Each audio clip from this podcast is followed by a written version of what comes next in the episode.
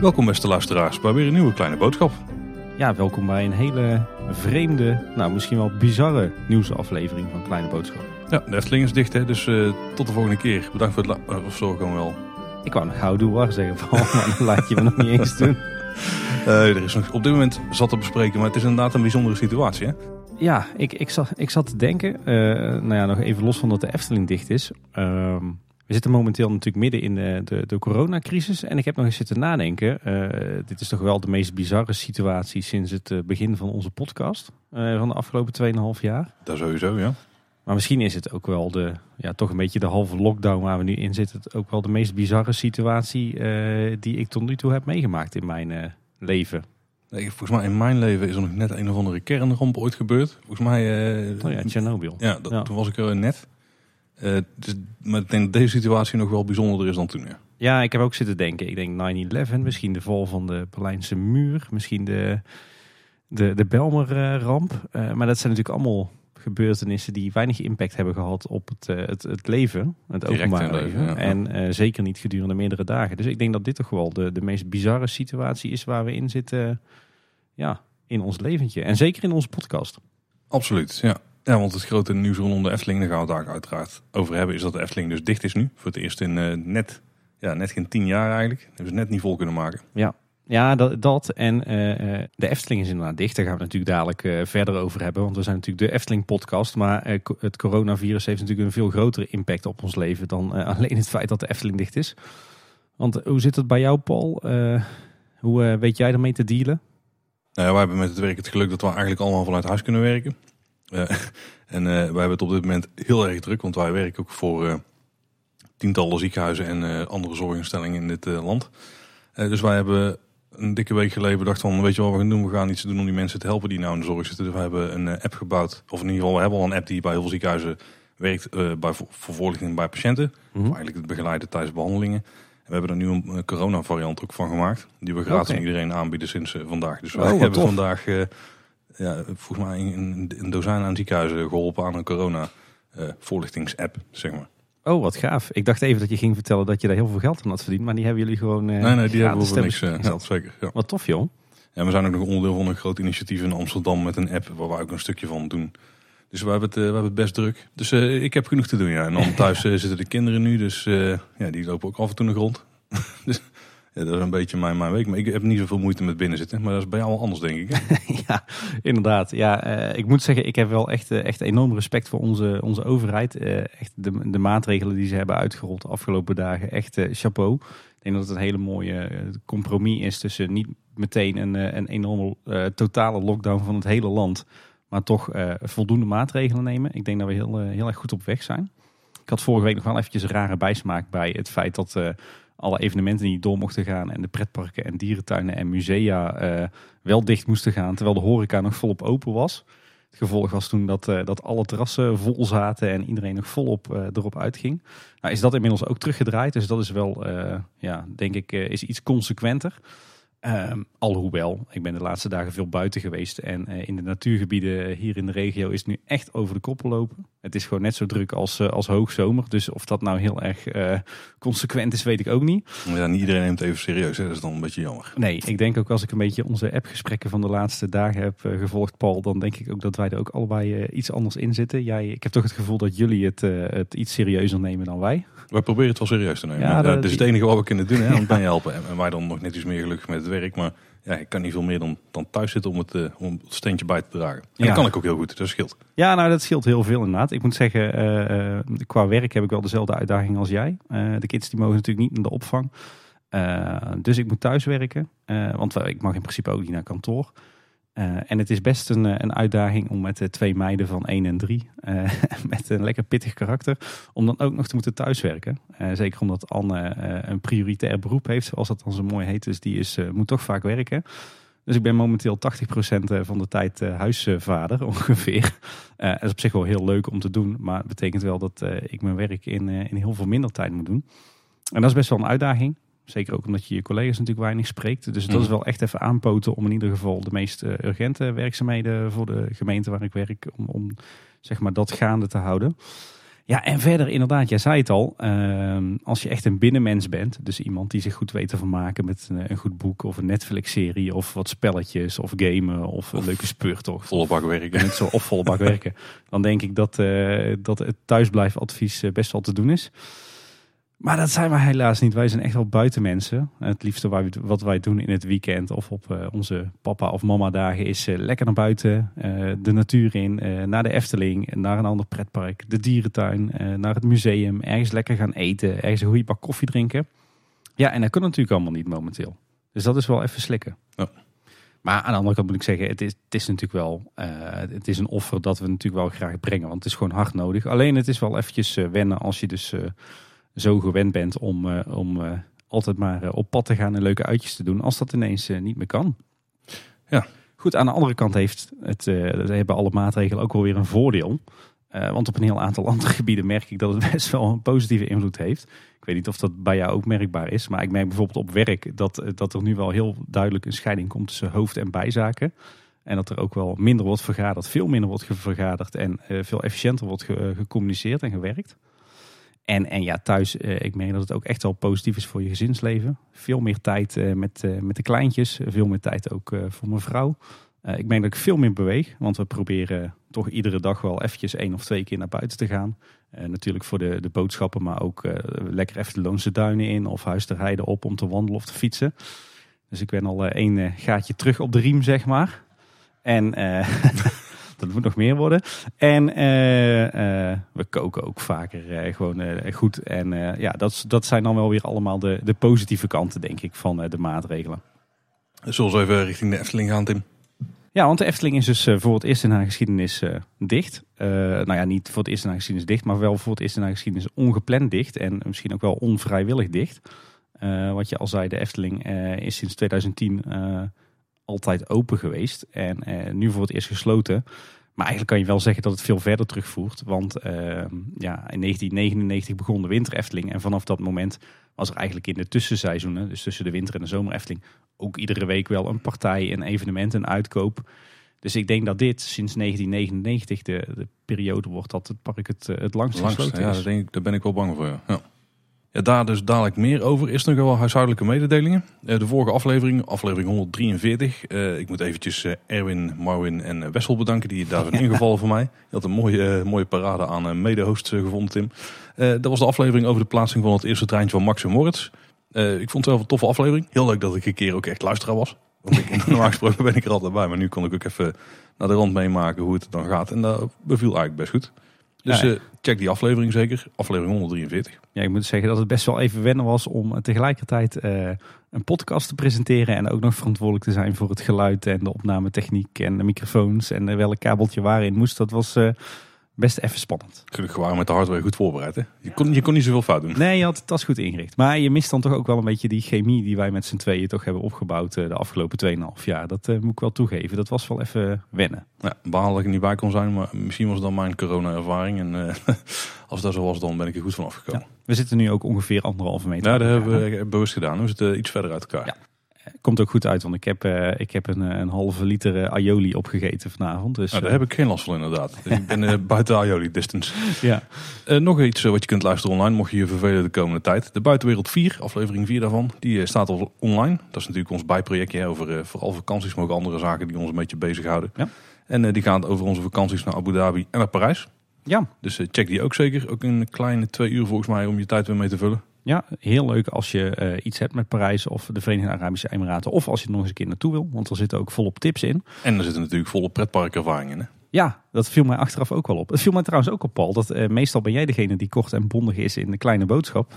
en in de buitenwereld ben ik meestal degene die kort en bondig is. Die, die conclusie had ik zelf ook al getrokken. Overigens ben ik wel echt dolblij dat wij allebei nog voor het, uh, het uitbreken van het coronavirus uh, een lekkere vakantie hebben gehad. Want ik had echt geen drie weken later uh, richting Parijs moeten gaan. Ja, wij hadden eigenlijk die reis gepland op een ander moment. En dat moment dat wij er eigenlijk zouden willen zijn in eerste instantie, toen zaten er mensen in quarantaine in een hotel. Nederlands. Ja. Dus dat hebben we goed, goed getimed. We waren net op tijd. Nu maar hopen dat het, het allemaal weer is overgewaaid voordat het vakantieseizoen er weer aankomt. Ja. Hey, mijn uh, zieke ellende die had niet alleen goed in het eten gegooid bij uh, de Max Moritz treinplaatsing, maar ook nog bij een ander klein evenementje. Ja. de vrijdag daarvoor waren we met een aantal podcasters en, en YouTubers weer een avondje escape room gaan doen. Onder meer de Milde Dictator was daarbij, en een mede-redactielid van ons en podcastmaker trouwens. Danny van der Wil van Eftelflex was erbij. Pieter Leebroy van Zero G Reviews en alle dames. Kevin van der Weijden was er trouwens ook nog bij. Dus het was een heel leuk groepje. En uh, we zijn een avondje gaan uh, eten en uh, escape roomen in Tilburg. In Escape Hotel 013. En dat was een, een hele toffe avond. Ja, die heb ik helaas moeten missen. Dus ook al. Ja, de volgende keer ben je gewoon bij Paul, toch? Ja, en nou je trouwens over Danny hebt. die, kunnen Danny ook nou welkom heten in de pretpark podcastwereld. Uh, al had hij er natuurlijk al een beetje een paar stapjes in gezet. Want hij is bij ons te gast geweest. En bij Ochtend in Pretparkland uh, regelmatig. En bij Efterpark Lounge ook nog. Ja. Uh, maar er is een nieuwe pretpark podcast van Danny. Team Parks on Stage. En daarbij krijg je, krijg je wat informatie achter de schermen van de Efterflex vlogs. Ja, en daar werkt Danny Efterflex dus aan mee. Maar ook Niels Dame. Bekende naam volgens mij vanuit teampark.nl. En ze hebben een eerste aflevering inmiddels online staan. En die gaat over de geschiedenis van het Flevohof. Dan de follow-up. Aflevering 142 was onze vorige nieuwsaflevering. Uh, daar ging het over die reclamecampagne van de Efteling. En die zou nu medio maart te zien zijn. Maar ja, dat is nieuws wat we toen hadden gehoord. Maar het zou best wel kunnen dat dat ook wel wordt uitgesteld natuurlijk. Ja, dat was inderdaad iets wat uh, een luisteraar was opgevallen. Dat het op de, de, de pagina op de Efteling blog die over die campagne ging. Dat het daar was aangepast naar medio maart. Maar ik denk inderdaad dat er uh, voorlopig nog helemaal geen reclamecampagne wordt opgestart. Dat zou eens medio mei kunnen worden of zo. Ik denk dat we dan heel blij mogen zijn. Ja, de vorige keer had je het ook over uh, tijdelijke verlichting die bij het Lavelaar stond. Maar dat is niet alleen daar het geval, ook bij de Halve Maan en bij de Oude Tufferbaan. Uh, in ieder geval vroeger bij de Halve Maan. Daar uh, was ook tijdelijke verlichting die was geleverd door Flashlight. Dat kreeg ook te horen van luisteraar. Ik, ik ben er ook nog op gaan letten. En inderdaad op veel meer plekken in de Efteling staat nog steeds tijdelijke verlichting van Flashlight. Ik zou zeggen, vervang die allemaal door eigen permanente showverlichting van de Efteling. Ja, die eventueel mooie wegwerkt ergens op. Ja. Uh, inmiddels hebben we ook officiële bevestiging van Kinopolis dat uh, die exclusieve Efteling content eraan komt. Dus niet alleen maar het interne memootje. Minimaal vier keer per jaar zal er een kleuterbios zijn met Efteling content. Ja, dit is weer een mooie. Op 29 maart zou de Sprookjesproklade musical dan te zien moeten zijn. Ja, ik denk dat dat dus ook weer niet gaat gebeuren. Nou, bioscopen draaien over het algemeen wel door, hè? Zou je ja? met de aangepaste programmering en, uh, en minder volle zalen. Oh. die zouden dan te zien zijn bij alle 18 vestigingen. En het geluid wordt dan wat gedempt en het zalig blijft aan. Dus echt de peuterbioscoop, zeg maar. Mm -hmm. En kinderen krijgen na afloop een filmdiploma. En de tickets kosten dan 8 euro inclusief limonade. Ja, heel leuk. Uh, ik ben laatst nog een keer naar zo'n peuterbios geweest uh, met, uh, met de peuter van drie van de Fabeltjeskrant. En die heeft het toch zeker drie kwartier volgehouden. Toen was ik over, toch? Toen was het over, mij, ja.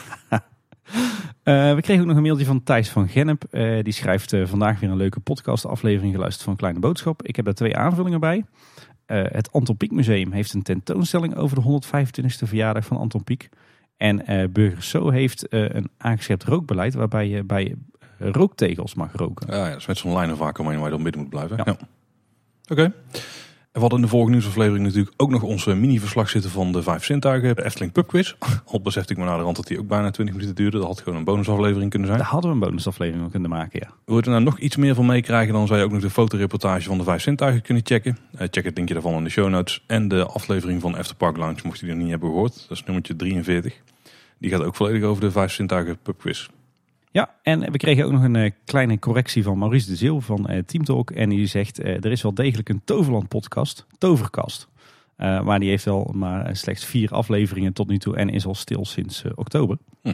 Weet je wat trouwens ook opviel, nou we het toch over allerlei collega-podcasters hebben. We zijn dus laatst met dat clubje podcasters en YouTubers gaan escape roomen.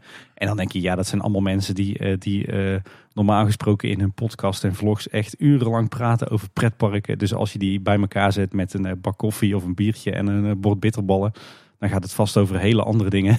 Maar nee hoor, uh, tijdens het napraten naar de escape room uh, vielen, er, vielen er op een gegeven moment een paar opmerkingen over achtbanen en uh, pretparken. En de rest van de avond en nacht is het over niks anders gegaan dan toch weer achtbanen, pretparken, thematisering, Efteling en dat soort zaken. Dus ik moest er wel heel hard om lachen en dat, dat blijft maar doorgaan dan. Dan nog wat follow-up over aflevering 144. Dat was klassieke muziek in de Efteling. Daar hebben we nog best wel wat feedback op gehad over wat dingen zijn vergeten. Wat muziekstukken. Ja, uh, we kregen een mailtje van Roy Jansen. Die zegt, uh, jullie zijn Sanai Gat vergeten te noemen. Het muziekstuk dat gebruikt wordt bij de Vliegende Fakir. En de vierjarige tijden van Vivaldi die werd gebruikt in de nieuwe Efteling Sprookjeshow. En dat was een sprookjesshow die van 98 tot 2001 in het Zomertheater speelde. Mijn uh, favoriete Efteling show aller tijden, denk ik. Oh nee, mijn nummer twee, denk ik. Oké, maar ook al gebruikt een Efteling dus. Ja, uh, en volgens mij, als ik het goed zeg, was dat het, uh, het, het, gedeelte van de lente... wat daar draaide aan het begin van de show. Dat is het bekendste ook volgens mij van het geheel. Ja. We kregen van Sam Flash nog een heel draadje op Twitter... met allemaal favoriete klassieke muziekstukken... die dan ook wel wat ja, die, die wel in de Efteling zouden passen voor een deel. Dus check die zeker even in de show notes. Ja. En die vind je natuurlijk op kleineboodschap.com bij de aflevering. En nog een stukje die we hebben gemist van de klassieke muziek kregen we van Martijn Mostert. Die zei, leuke aflevering, mist alleen mijn favoriete klassieke muziek uit Efteling. Namelijk de achtergrondmuziek van Tafeltje Dekje.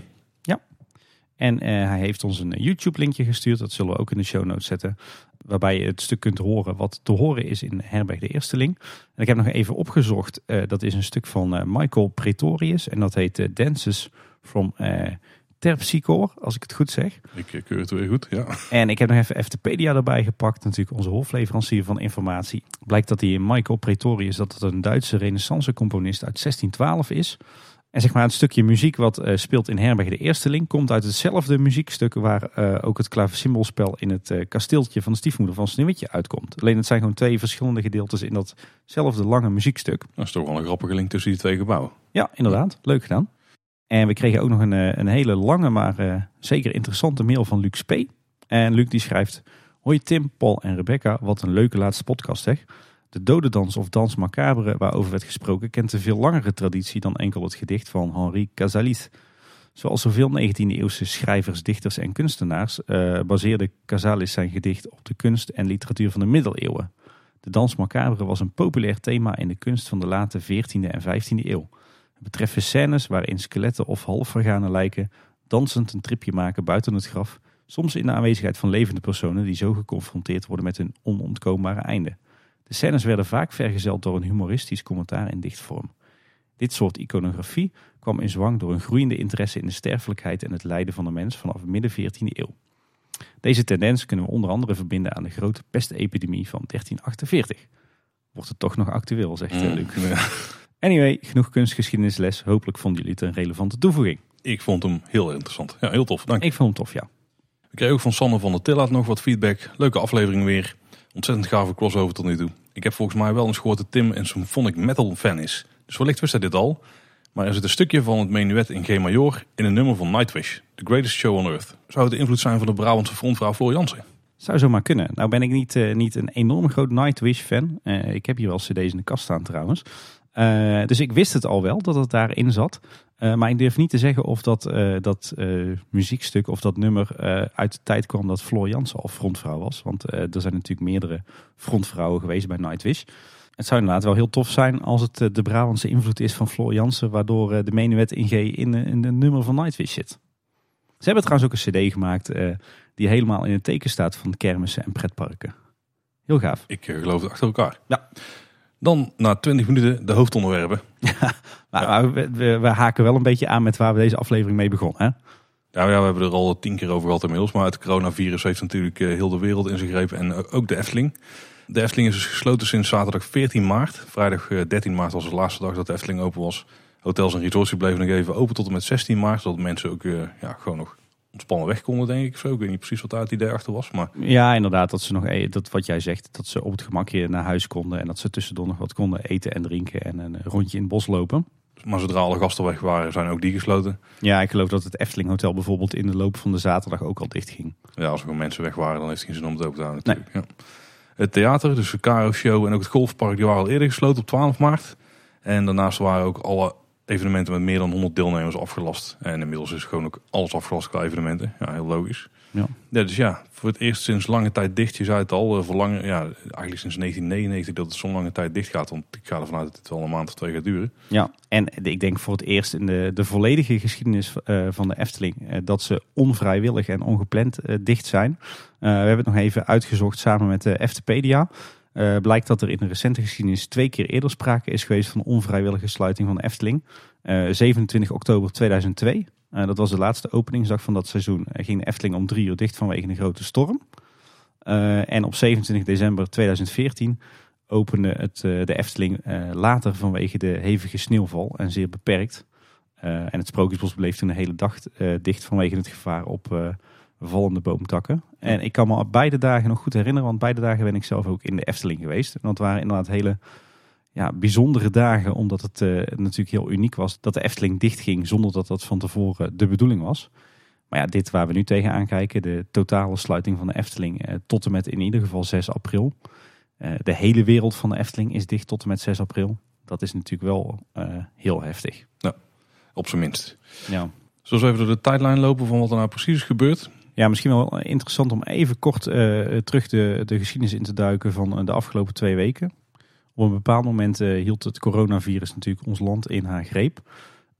het was niet meteen overduidelijk dat er heel veel dicht zou moeten gaan. Ehm, dat ging heel erg gefaseerd. Hè. In eerste instantie was de boodschap vooral, je moet proberen thuis te gaan werken. En als je een aantal gezondheidsklachten hebt, dan kan je ook beter thuis blijven. Ehm, en later, eigenlijk iedere dag, werden de restricties strenger. en dat gold eigenlijk ook voor de Efteling. Want wat wel opviel is dat de Efteling eigenlijk heel lang heeft geprobeerd om toch gewoon open te blijven. Ik denk dat ze de bui ook wel zagen hangen dat, er, dat ze toch op de een of andere manier het verzoek gingen krijgen om te sluiten. Zeker ook omdat in de landen om ons heen, waar eh, corona al wat langer heerste, dat, eh, dat daar ook heel veel pretparken en, en andere toeristische attracties sloten. Uh, maar ik heb de indruk dat ze zeker de eerste paar dagen, toen langzaam maar zeker al die maatregelen van kracht werden, dat ze toch echt alles op alles hebben gezet om het park open te houden. Mm -hmm. Ja, heeft natuurlijk ook wat te maken met mensen die al bijvoorbeeld verblijf hadden geboekt. Dan laat je die omdraaien. Ik denk dat ze in het begin heel erg gewoon de mensen nog wel voor hun plezier wilden geven. Ik denk dat je ook niet moet onderschatten hoe enorm de financiële consequenties zijn van het sluiten van de Efteling. Hè? Ja, nee zeker. Ja. En dan niet misschien nu in het, uh, in het laagseizoen, maar als het natuurlijk wat langer duurt, inclusief de Pasen en het voorjaar, dan zijn die, eh, die financiële consequenties ontzettend heftig. Dus ik kan me ook wel voorstellen dat de Efteling in eerste instantie hoopte uh, open te blijven met de nodige maatregelen. Maar uiteindelijk kwam er toch zo'n, nou ja, er kwam nog niet echt zo'n storm op gang op social media, zoals dat bijvoorbeeld gebeurde bij ten aanzien van Indrop Brabant. Dat evenement wat, mm. wat ze toch door wilden laten gaan met duizend bezoekers. Maar het begon langzaam maar zeker in diezelfde week wel te kenteren. De publieke opinie. En je zag ook op steeds meer plekken toch berichten van... joh, Efteling, ga alsjeblieft dicht. Waarom blijven jullie in vredesnaam open? En uiteindelijk was het op 14 maart dat ze dus het besluit namen om toch volledig te sluiten. Ja, en eigenlijk daarvoor, dus ongeveer tot 12 maart, toen was de Efteling van mening dat het geen evenement is. De Efteling op zich, zeg maar, want evenement, grote evenementen waren verboden. Het park is groot en de gasten zijn verspreid over het hele park. Dus er is genoeg ja, ruimte en buitenlucht. En de periode is rustig, dus heel veel mensen bij elkaar heb je niet. En wat je daarna wel zag, is dat er, toch steeds meer uh, maatregelen werden getroffen. Efteling adviseerde personeel en bezoekers blijven gewoon thuis bij milde klachten zoals hoesten, verkoudheid en koorts. Nou, dat is gewoon het advies van het RIVM op dat moment. Ja. En er werden dus maatregelen genomen om grote groepen te scheiden en wat extra afstand te creëren. Bijvoorbeeld bij shows of bij eh, wachterijen. Je mocht acteurs niet meer aanraken. Dus geen high fives of handgeven of, eh, of dat soort dingen. Ook de medewerkers die daar, ja, de medewerkers in het algemeen, maar ook die erbij liepen natuurlijk. Uh, ook de wachterijen die werden niet helemaal volgezet. Ja, een bepaald maximum aanhouden en daarna wordt de wachterij even dichtgezet zodat er weer meer mensen bij kunnen. In de horeca hadden ze ook wat meer spreiding gedaan van tafels en stoelen. Mm Dat iedereen wat verder uit elkaar zat. En bij de entree werden zoveel mogelijk kassen geopend, zodat de rijen kort bleven en mensen dus ook wat meer verspreid eh, stonden. En eh, er werd ook eh, gevraagd om zoveel mogelijk met pin te betalen. Of contant te betalen zonder lichaamscontact. Ja. ja ook, ja, ik denk wel slimme dingen, op, in ieder geval voor de, alle, alle adviezen die op dat moment gelden. Ja. We zagen nog wat tweets langskomen van Menno94. die had dan ook foto's geplaatst. Er was wat, van wat borden bij attracties in twee talen. Er stond dan op, we houden ons ook aan de richtlijnen van het RIVM. Jij ook. Houd daarom ook in de wachtrij afstand tot anderen. We helpen je bij door een maximum aantal gasten toe te laten in de wachtrij en de single riders wachtrij te sluiten. We vragen je om de instructies van de medewerkers op te volgen. Hm. Ja, die borden die stonden eigenlijk door het hele park heen. Hè? Ja, bij iedere grote wachtrij volgens mij. Ja, en hij, uh, hij had ook nog een rondje gedaan door het park en dan vielen nog een paar uh, dingen op. Bijvoorbeeld dat uh, in dat station de Oost voor de helft leeg was gehaald en dat de stoomtrein dan niet stopte dat je bij Joris en de Draak via de Single Rider Line naar binnen werd eh, geleid. En dat ze bij Carnival Festival telkens eh, twee gondeltjes vulden en vervolgens weer acht eh, leeg hielden. Dus zeker in die laatste twee dagen hadden ze echt al behoorlijk wat voorzorgsmaatregelen doorgevoerd in het park, in exploitatie. Natuurlijk alles om ervoor te zorgen dat het park toch maar zo lang mogelijk open zou kunnen blijven. Ja, was het de laatste keer die jij in het park bent geweest? Ik ben woensdag 11 maart ben ik nog de hele dag in het park geweest. Dat is twee dagen voor de sluiting geweest. Ik zag de bui al wel hangen dat het park dicht ging, eh, zou gaan. Dus ik denk, ik pik op de valreep toch nog eventjes een dagje Efteling mee. En eigenlijk was het nog niet eens zo'n hele vreemde dag. Eh, want heel veel van die maatregelen die jij net noemde, Paul, die, die waren eigenlijk nog niet van kracht. Eh, de wachtrijen, daar kon je gewoon in gaan staan. De horeca stonden gewoon alle tafels nog. Het was rustig, maar aan de andere kant voor een doordeweekse woensdag was het dan wel weer best wel druk. Kwam natuurlijk omdat eh, heel veel mensen al eh, thuis zaten en heel veel kinderen al niet naar de opvang mochten. Dus dat was eigenlijk drukker dan normaal op een woensdag. Eh, maar toch, was een rustig dagje, veel walk-ons, heerlijk weer. En op de een of andere manier hing daar wel echt zo'n sfeertje van, van escapisme. Weet je wel, in de wereld buiten de Efteling is alles pure ellende en ziekte en, en quarantaine. En we zitten hier met z'n allen in de Efteling. En we hebben hier gewoon een leuke tijd. Dat was ook een beetje de toon van, eh, van de gesprekken die ik eh, zo al opving. Eigenlijk het enige wat, eh, wat een beetje opviel die dag was dat het entertainment toen al geen handjes meer gaf. En dat vond mijn oudste niet zo leuk. Maar goed, ik heb toch geprobeerd uit te leggen waarom het, het was. Maar dan, ja, eigenlijk was het verder gewoon een heerlijk dagje. Een lekker rustig zonnig dagje in Efteling. Jammer genoeg ja, een van de laatste openingsdagen. Oh. Ik moest trouwens ook wel lachen. Wij zaten in het Witte Paard te lunchen. En mijn jongste dochter had haar sjaal laten vallen.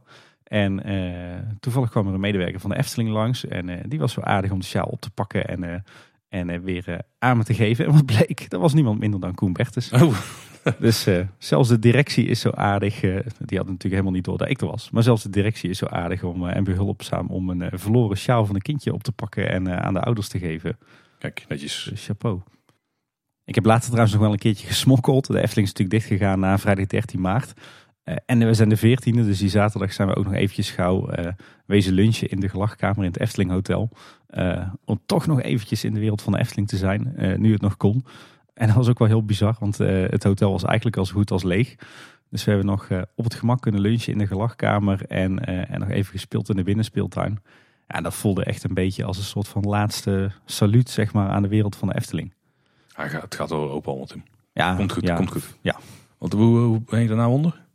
Want jij, was, eh, jij had wel even een, kleine klap gekregen volgens mij. Ja, nou ja, goed. Ik moet uitkijken wat ik nu ga zeggen natuurlijk. Want heel veel mensen zullen het overdreven vinden. Ehm, laat ik het zo zeggen. Mijn, mijn primaire reactie was dat ik het eh, ongelooflijk eh, vond dat de Efteling dichtging. Maar goed, ik begrijp het natuurlijk. En ik vind het ook een heel terechte maatregel. Alleen ja, wat je dan wel toch wel merkt is... De Efteling is voor mij echt wel een tweede thuis. Ehm, en dat mis je dan wel. En nog niet eens het feit dat ik nu eh, al eventjes niet aan de Efteling ben geweest. Nou ja, wat zal het zijn? Eh, een, weekje. Eh, een week zonder Efteling overleef ik wel. Twee weken ook wel. Daarna wordt het lastig, maar vooruit.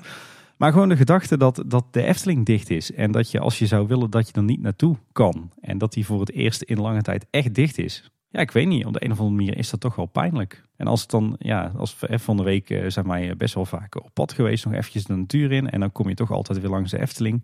Staat het zonnetje hoog aan de hemel. Schitterend weer. En dan rij je langs de Efteling en dan zijn de hekken dicht. De parkeerplaats is leeg. De attracties staan stil. Het is doodstil in dat park. En ja, ik weet niet. Dat voelt dan toch een beetje als een, als een ja, dolksteek in mijn hart, weet je wel. Je, je, je weet gewoon, dit is niet goed voor de Efteling dat ze nu dicht zijn. Het had nu open moeten zijn. Eh, dit kan nooit positieve gevolgen hebben voor het park. En eh, ja, dat doet toch wel pijn. Ja, dat, dat is vooral wel hetgene ik er ook bij heb. Ik vind het gewoon heel vervelend voor de Efteling als bedrijf zelf. Want ja, financieel is het gewoon niet echt een hele tof situatie voor ze, denk ik. Nee. En ehm, En, en voor het personeel, laten, we- laten we dat niet vergeten. Want ik denk als je nu bij de Efteling werkt met, met een, een laag aantal uren op je contract. Kijk, natuurlijk zorgt de Efteling goed voor je. Maar ja, niet werken betekent dat er ook geen geld binnenkomt. ja, volgens mij wordt er wel geholpen met eh, die, ik weet even niet wat de, de naam is voor het eh hulppakket, zeg maar, wat de overheid beschikbaar stelt. Volgens mij gaat de De Efteling- deeltijd-WW. Ja, volgens mij gaat de Efteling er wel gebruik van maken. Maar ik weet niet hoe het dan precies zit met uren en zo die je hebt gewerkt. Volgens mij moeten we wel gemiddelde nemen van de afgelopen... Ja. Dat, dat is niet helemaal mijn pakje, Jan. Ehm, maar zelf, ja, ik vind het feit dat we nu even met z'n allen de schouders eronder zetten om dat virus een beetje de, ja, de kop in te drukken. Zo snel gaat het niet. Maar om in ieder geval te zorgen dat eh, de ziekenhuizen niet overbelast raken, vind ik wel even belangrijker dan eh, dat de Efteling open is of niet. Ja. Eh, ja, daar ben ik ook rationeel wel met je eens hoor. Maar het is ook meer een gevoelskwestie van wat doet het met je dat de Efteling dicht is. Ja, maar dat is ook wel het, de gevoelskwestie bij mij, zeg maar. Oké. ik vind, dat, daar heeft bij mij even, daar is de hoofdzaak op De overhand. Ja. ja. En ik, ik baal wel van dat hij dicht is natuurlijk. Maar ja, ik, realistisch gezien, zolang, ik, zolang ze aanraden om gewoon thuis te zitten zoveel mogelijk, ja, dan doe ik dat ook. Dus eh, ja, dan kom ik toch niet in het park, zeg maar.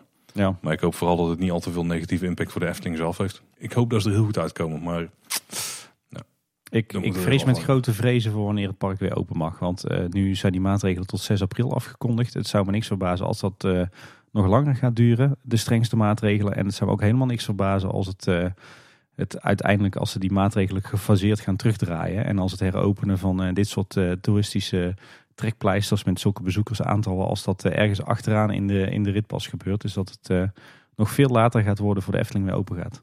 ik, denk, ik heb toch wel redelijk goede hoop op dat het de zomer, eh, voor de zomer zal zijn. Ja, voor het hoogseizoen hoop ik. Ja, ja. Ja, ja ik denk dat, dat als het inderdaad zo lang gaat duren tot de Efteling weer open gaat, dat, we het, dat ik het in ieder geval toch wel enigszins zwaar ga krijgen. We zijn er met z'n allen jou team om jou te ondersteunen. Maar goed, dat gezegd hebben, het is natuurlijk maar eh, eh, bijzaak in relatie tot eh, alle problemen rond, rond corona. Dus we mogen niet zeuren. Zoals we gaan hebben over alle dingen die er zijn gebeurd rondom het hele gedoe. Ja. Het is wel zo, het is belangrijk om te melden in deze. Het gaat zo snel met al die ontwikkelingen. Dat het kan zijn dat op het moment dat je dit hoort, dat het dan weer compleet anders is. Of dat er weer nieuwe informatie is bijgekomen en dingen een stuk duidelijker zijn. Ja, want eh, we nemen dit op op de donderdagavond en deze aflevering komt natuurlijk op maandagochtend uit. Dus daar zit een dag of vier vertraging tussen. Ja, dus eh, ik weet niet hoe actueel we nog zijn op dat moment. Maar we zullen ze gewoon doornemen. Ja, een van de dingen die zijn afgelast zijn de, de Rabo klantendagen. Die zouden plaatsvinden op 21 en 22 maart. En eh, die gaan natuurlijk niet door. En inmiddels is bekend dat de mensen die daar kaartjes voor hadden, dat ze die van 11 mei tot en met 28 juni alsnog mogen gebruiken om op een reguliere dag van de Efteling eh, binnen te komen. Nou, laten we hopen dat het park dan weer open is. Ja. Er was ook een interview met Fons Jurks bij Omroep Brabant. Die had het erover dat hij een slapeloze nacht had van het besluit om eh, de Efteling te sluiten. Dat is overigens een besluit dat ze dus uiteindelijk zelf hebben genomen voordat het nog echt moest. Ja. Eh, tenminste, ligt er een beetje aan hoe je de regels las. Maar technisch gezien hoe ze, moesten ze eigenlijk pas een dag later volgens mij echt dicht. Ja, Last van de overheid. Toen hebben ze een beetje afgedwongen. Maar de Efteling zelf was al iets eerder dicht. ik had een beetje het idee dat het een beetje pingpongen was tussen Efteling, gemeente, RIVM, veiligheidsregio. Ja, ze probeerden de, de beslissing een beetje wel af te schuiven steeds op iemand anders. Op een andere instantie. Maar Ja. uiteindelijk hebben ze zelf wel de knopen doorgehakt. Hij zei het is onwennig, triest en een vreemde gewaarwording. En de, ja, de consequenties voor personeel en financiën, die moeten ze nog bekijken. Ehm, maar hij zei wel, de Efteling is een fatsoenlijke werkgever. Dus ik eh, hoop dat ze de mensen niet in de kou laten staan. En hij gaf ook nog een, eh, een video-interview eh, bij het Brabants Dagblad. We zullen trouwens bij de artikeltjes even linken in de show notes. Eh, daar zei hij ongeveer hetzelfde, eh, maar nog iets interessants. Hij zei, misschien kunnen we bepaald onderhoud sneller en op andere tijdstippen uitvoeren. Ja, daar ben ik wel benieuwd naar of dat ook echt zo is. Want hebt, in Walt Disney World gaat het onderhoud nou flink teruggeschroefd worden. Omdat daar niet meer dan tien mensen tegelijk bij elkaar mogen werken of iets in die geest. Als, als dat soort dingen ook hier gebeuren. Want op dit moment zie ik wel heel veel bouwwerkzaamheden rondom eh, hier in de buurt zeg maar gewoon doorgaan. Ja, de bouw gaat eh, volle bak door. Maar als er dadelijk een soort lockdown-achtig iets komt, dan kan het natuurlijk zijn dat dit helemaal stilgelegd gaat worden. En Klopt, het moet ook gepland worden en je moet de mensen wel beschikbaar hebben. Nou, op zich wat hij daar zegt, want we hebben die vraag van heel veel luisteraars gehad. Van zou de Efteling nu extra onderhoud gaan uitvoeren en lekker veel onderhoud? Maar ik denk eerlijk gezegd, en dat blijkt ook uit de woorden van Fons, eh, dat dat een beetje te veel gevraagd is. Eh, natuurlijk zijn er nu mensen in de Efteling eh, aan het werk.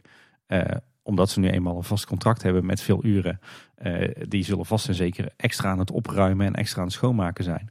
Maar echt technisch onderhoud, dat is iets dat, dat plan je maanden van tevoren. Want je moet tekeningen maken, berekeningen maken, mensen inplannen, materiaal inkopen, dingen huren.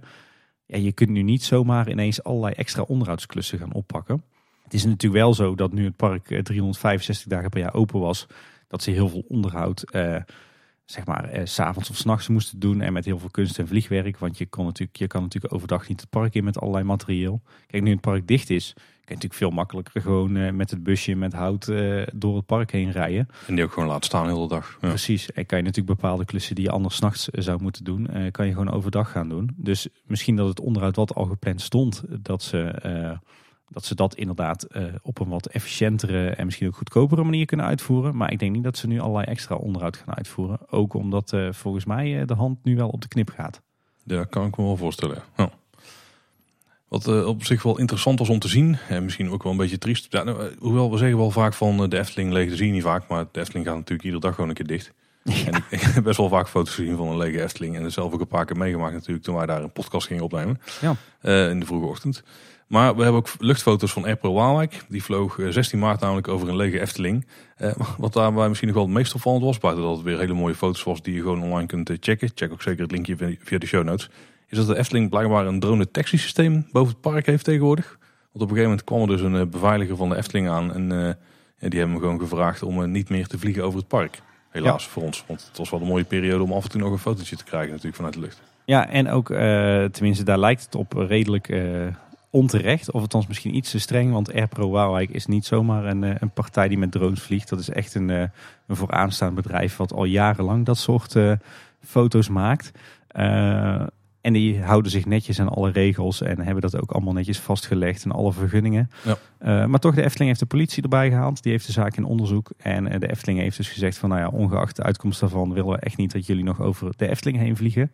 En Airpro Waalwijk heeft zelf gezegd van, nou, dan was dit echt de laatste keer dat wij uh, ooit nog boven de Efteling vliegen. Hij heeft overigens niet boven de Efteling gevlogen. Hij is netjes buiten de grenzen van het park gebleven op ja. tientallen meters. Maar ik zou de Efteling toch aanraden van neem even contact op met die eh, man en draai dit terug. Want uh, ik denk dat wij als Efteling-fans wel wat foto's uit de Efteling vanuit de lucht kunnen gebruiken de komende tijd. Ja, en ik denk eerlijk gezegd dat de foto's van Airpro Waalwijk ook super populair zijn uh, op de kantoren van de Efteling zelf. Die, man, die mensen die doen niks verkeerd. Dus volgens mij is hier een beveiliger iets te streng geweest. Dus ik zou zeggen, laat de politie de zaak onderzoeken. En als de politie zegt, het mocht gewoon, laat Airpro Waalwijk dan gewoon zijn, zijn goede werk doen. Want daar hebben we allemaal plezier van. Ja. Ja, René Merkelbach die zit ook niet stil. Uh, die heeft ook een, een soort van uh, initiatief genomen om wat mensen meer in de picture te zetten die uh, nu bijvoorbeeld minder optredens kunnen doen. die heeft vanuit zijn studio, die vlak bij de Efteling zit, heeft die livestreams gedaan. In ieder geval eentje van Folk Group Acting the Maggot. Ik ken ze niet, ken jij ze wel? Nee. Maar dat maakt niet uit. Die zullen vast wel wat optredens hebben gehad die nu niet doorgaan. René denkt, ik zal het lokale muziekmensen eens even wel in de picture zetten. En die, met die eerste livestream heeft hij in ieder geval 6000 kijkers getrokken. En volgens mij wil hij dit wel vaker gaan doen. Ja, en hij heeft natuurlijk de perfecte ruimte ervoor. Want er zit een mooie dikke glazen ruit tussen uh, de opnamestudio en de plek waar hij zelf werkt. Dus hij zit hartstikke veilig. Maar in het studiostukje, daar staan ze denk ik niet echt anderhalve meter van elkaar vandaan. nee, inderdaad. Maar wat gaat er nu uh, gebeuren? Ja, ja de, de, meest prangende vraag is natuurlijk wanneer mag het park weer open? Ja, nou, daar kunnen we geen enkele lijn op, of daar kunnen we geen enkele pijl trekken nog. De, de officiële woord is natuurlijk tot en met 6 april. Volgens mij gaat dit gewoon veel langer duren. Dit, dit wordt sowieso een kwestie van twee maanden. En met een beetje pech wel langer. En zeker denk ik voor, uh, voor de wat grootschalige uh, parken en toeristische trekpleisters. En ook waarschijnlijk wel de evenementen en de festivals.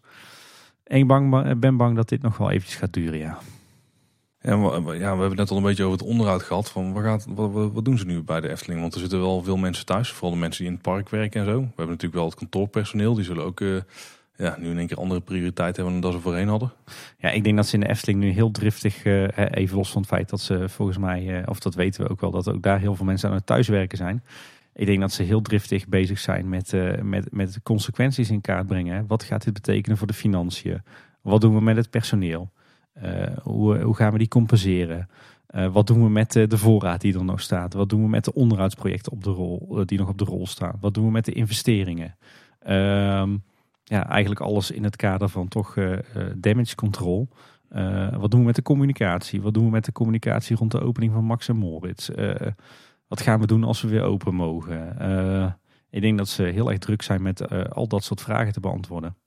Ja, er zijn een hoop beslissingen die ze moeten nemen. Eentje hebben ze inmiddels wel genomen trouwens. En dat is wat ze gaan doen met de compensatie richting abonnementhouders. Uh, al moet ik zeggen dat het nog niet 100% duidelijk is. Maar het idee is in ieder geval, de Efteling is een periode dicht. Uh, afhankelijk van de vorm van je abonnement. En ik denk dat, je dan de, dat het vooral gaat om hoe je betaalt, maandelijks of, of jaarlijks. Ja. En misschien ook tot, waar die af, tot wanneer die afloopt, of als dat dan gebeurt in die periode of net wat dan ook.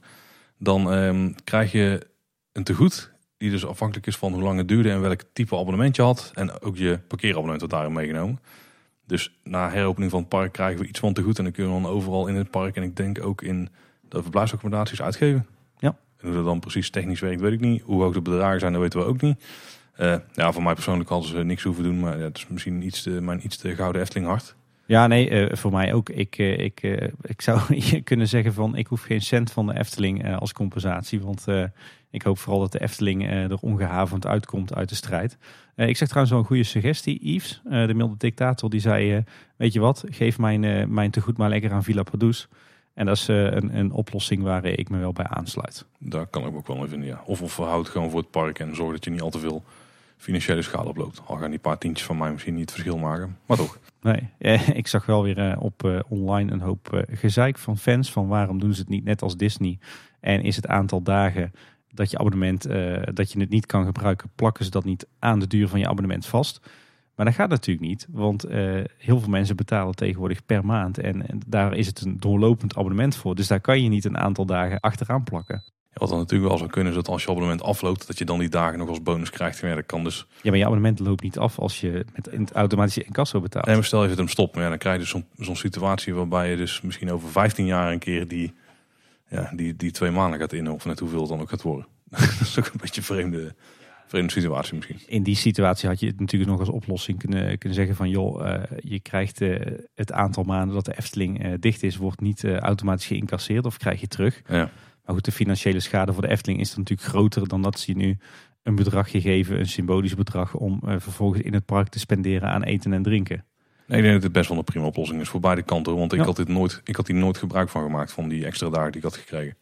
Dus ik had er dan helemaal niks aan. En nu krijg ik nog enigszins compensatie die, waar ik dan iets mee kan. Ik vind het heel sympathiek en ik snap ook best wel dat de Efteling niet zegt van we, we, gaan, eh, we gaan alvast de zak met geld opentrekken. Want de Efteling kan hier ook niks aan doen, hè? het is overmacht. Ja, nee, zeker. Ja. Maar mijn vergoeding mag, eh, die van mij en van mijn vrouw, eh, die mag wat mij betreft rechtstreeks naar Villa Padus. En die van mij ook. We hebben natuurlijk Max en Moritz loopt nou, maar ook het huisje van vrouw Holle stond op de planning om opnieuw opgebouwd te worden.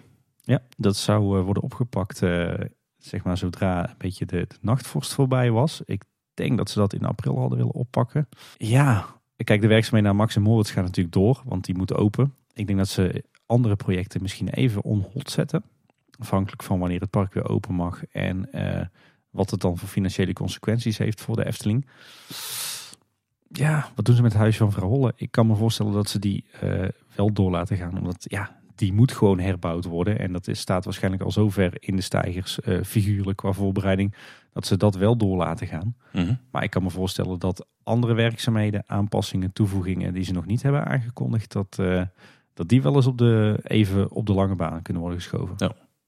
We hebben het net al even gehad over de consequenties voor de financiën. Want ja, die zullen er al licht zijn. Maar we hebben natuurlijk ook hetgene waar wij een beetje ooit over begonnen zijn. eh, de uitbreiding van de Efteling. De Raad van Ja. State en Strookrijk. Hoe gaat het daarmee? Ja, de zitting eh, over het, onderwerp, het bestemmingsplan eh, van de Eft- Wereld van de Efteling 2030, die stond gepland op 9 juni. Daar eh, hebben wij ook allebei vrij voor genomen. Eh, maar ik begreep van jou, Paul, dat, dat de zittingen van de Raad van State ook zijn opgeschort. Ja, wat het geval is, is de, dus de Raad van State wilde in eerste instantie eigenlijk zoveel mogelijk door laten gaan, maar dan zonder publiek. Dus mochten Ja. die, die, die situaties dan nog van kracht zijn in juni, dan hadden wij daar niet- dus niet bij mogen zijn. Wel pers. Eh, dus dat hadden we misschien ons zelfs Ja. kunnen scharen. Ja, precies. Maar ook dat is weer aangepast, want ze hebben op dit moment besloten om eh, alle zittingen te schorsen. Tenzij het echt van, eh, van, ja, van noodbelang is, zeg maar, dus voor het Rijk of beslissing misschien rondom de crisis die we nu hebben. Als die genomen moeten worden door de Raad van State, dan gaan die wel door. Ehm, maar de rest gewoon niet. Dus ik denk dat ze alles gewoon gaan opschuiven. Op een gegeven moment pakken ze het weer op. En dan denk ik dat ze de planning die ze dan hadden gewoon voortzetten vanaf dat moment. Of misschien dat ze net, maar dan zou het timing technisch goed uit moeten komen. Dat ze net wat dingen die toch al gepland stonden, dan door laten gaan. En dan de dingen die zijn blijven liggen gaan opnieuw gaan plannen. Want je kunt niet zeggen van, eh, ah, we beginnen weer. Dus alles wat in eh, midden maart gepland stond, eh, kom maar nu opdra opdraven. Want dat gaat natuurlijk ook niet werken in de praktijk. Nee. Dus het is niet helemaal duidelijk. Maar het lijkt erop dat die zitting wordt geschorst naar een ander moment verplaatst wordt. Ja, en wat betekent dat dan voor Strookrijk zelf? Ja, sowieso weer extra vertraging natuurlijk. Maar eh, ja, afhankelijk van hoeveel financiële schade de Efteling oploopt, zou het natuurlijk ook zomaar kunnen dat, eh, dat ook over Strookrijk de kaasgaaf gaat. Ja, of dat het wel wordt uitgesteld. Ja, dat, dat, dat moet misschien sowieso wel. Er is natuurlijk tot op heden altijd een heel themagebied aangekondigd rond, eh, rond de circuscoaster die we daar gaan krijgen. En we kennen ook de geruchten dat, dat daar nog wat infills bij zouden komen. Ehm, we kennen de geruchten dat het hotel zou worden aangepakt, dat het café-restaurant zou worden aangepakt, dat kleuterhof zou worden aangepakt. Dus dat het echt één grote totale gebiedsontwikkeling zou zijn. Het zou mij ook zomaar niks verbazen als de Efteling nu eh, in 2020 een heel slecht jaar eh, heeft. Dat ze eh, zeggen van nou weet je wat met Strookrijk. Laten we eerst maar eens beginnen met, met een achtbaan. En laten we de andere investeringen maar even opschuiven. Ja, zo, ja. Nou, als dat de grootste consequentie is, zou ik het nog niet zo heel erg vinden. Maar ik hoop dat ze genoeg reserves hebben om de klap op te vangen. Maar daar Gaan we meemaken. Nou, de Efteling is gelukkig financieel gezond en zelfstandig. En eh, uiteindelijk zit daar nog een stichting boven eh, die ook een hoop eigen vermogen hebben. Dus de Efteling die overleeft het wel. Daar ben ik niet bang voor. Bij andere parken eh, is dat een ander verhaal. Ik denk wel dat ze het overleven. Maar goed, ze zullen wel een, een slecht jaar hebben. En met een beetje pech een heel slecht jaar. Dus laten we hopen dat het meevalt. Want anders dan denk ik dat, dat we dat de komende jaren best nog wel gaan terugzien in, in de hoogte van investeringen en de hoogte van kosten. Ja, en, eh, en wij Tim, want ik ben wel benieuwd hoe onze nieuwsafleveringen gevuld gaan worden de komende tijd. Ja, inderdaad. Deze die zit uh, bommetje vol. Dankzij corona en ook dankzij een heleboel andere dingen die nog de afgelopen twee weken zijn gebeurd. Maar ja, het wordt even de vraag hoe de nieuwsaflevering over twee weken eruit gaat zien. Nou, we gaan meemaken. Er worden misschien eindelijk weer een keer wat reacties van luisteraars behandeld. Dat zou zomaar kunnen, ja. Dat moeten we dan gaan doen. Ja, in principe hebben wij gezegd, we blijven gewoon doorgaan. Uh, als het niet zo kan, dan gaan we gewoon uh, decentraal zitten. Dus gaan we allebei op een andere plek opnemen. Uh, maar vooralsnog kunnen jullie ervan uitgaan dat we iedere maandagochtend om vijf uur een aflevering hebben. En zo nu en dan misschien wel een bonusaflevering. Het wordt misschien anders als de Efteling echt maandenlang dicht is. dan is nog maar de vraag of we nog wel afleveringen kunnen maken. Maar we gaan ons best ervoor doen om dat zo lang mogelijk te blijven doen. Nou, dan kunnen we in ieder geval de geschiedenis nog eens induiken. Ja, precies. het is wel zo dat we hadden wat interviews gepland staan en, en wat reportages op locatie in de Efteling en buiten de Efteling. Die uh, lopen nu natuurlijk wel vertraging op. Liggen er wel een paar op de plank trouwens. Dus uh, ben er niet al te bang voor dat het alleen maar Tim en Paul is de komende tijd. Nee, de komende weken hebben we nog wel een aantal uh, die we al eerder hebben opgenomen inderdaad. En we hadden natuurlijk ook nog een activiteit aangekondigd in de buitenlucht voor onze 150ste aflevering. En het ziet er jammer genoeg ook naar uit dat we ook die even op de lange baan moeten gaan schuiven.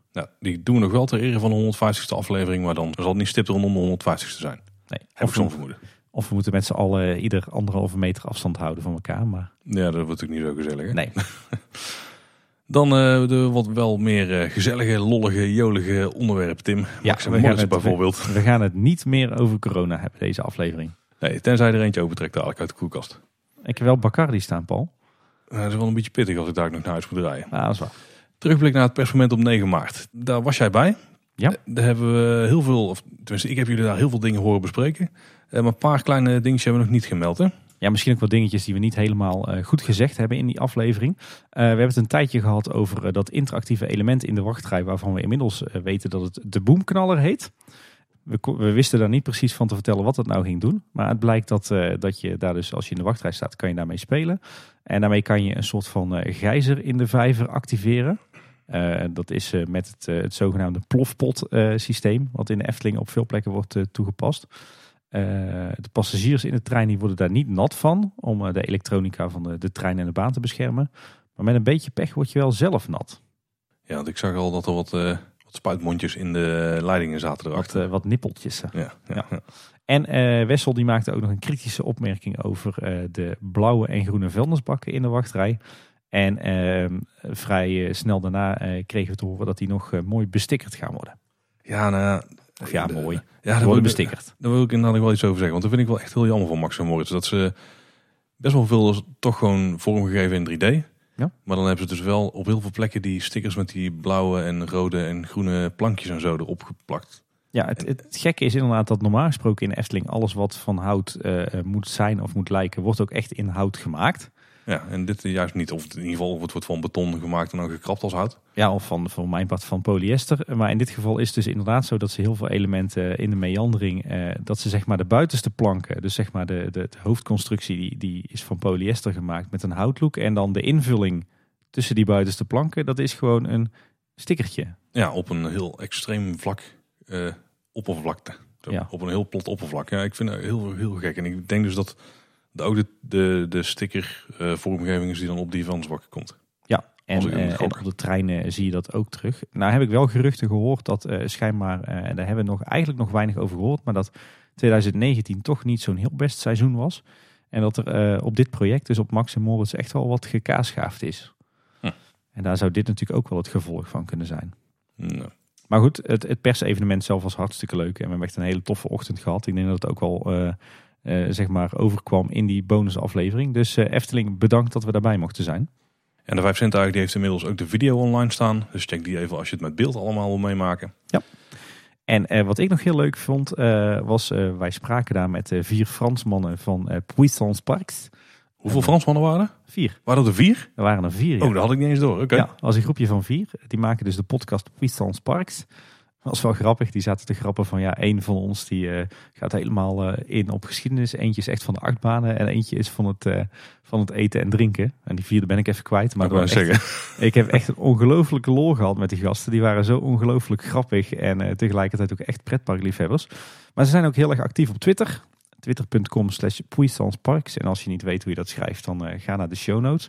En het leuke is, die zijn twee dagen te gast geweest in de Efteling. En die hebben daar echt van uur tot uur een heel eh, verslag in woord en beeld van gemaakt. En het is ontzettend leuk om te zien hoe en- ongelooflijk enthousiast en verrast en positief dat zij zijn over de Efteling. Altijd leuk. Ja. Dus, Dus eh, de buitenlandse gasten die eh, in de Efteling komen, vind ik altijd interessant. Ja. Ja, die gasten die zijn echt eh, zo ongelooflijk lollig. Ik heb me echt eh, krom gelachen.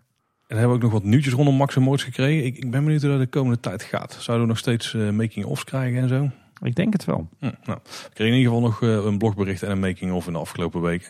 Eh, er is inmiddels dus bevestigd dat je twee rondjes gaat maken per rit.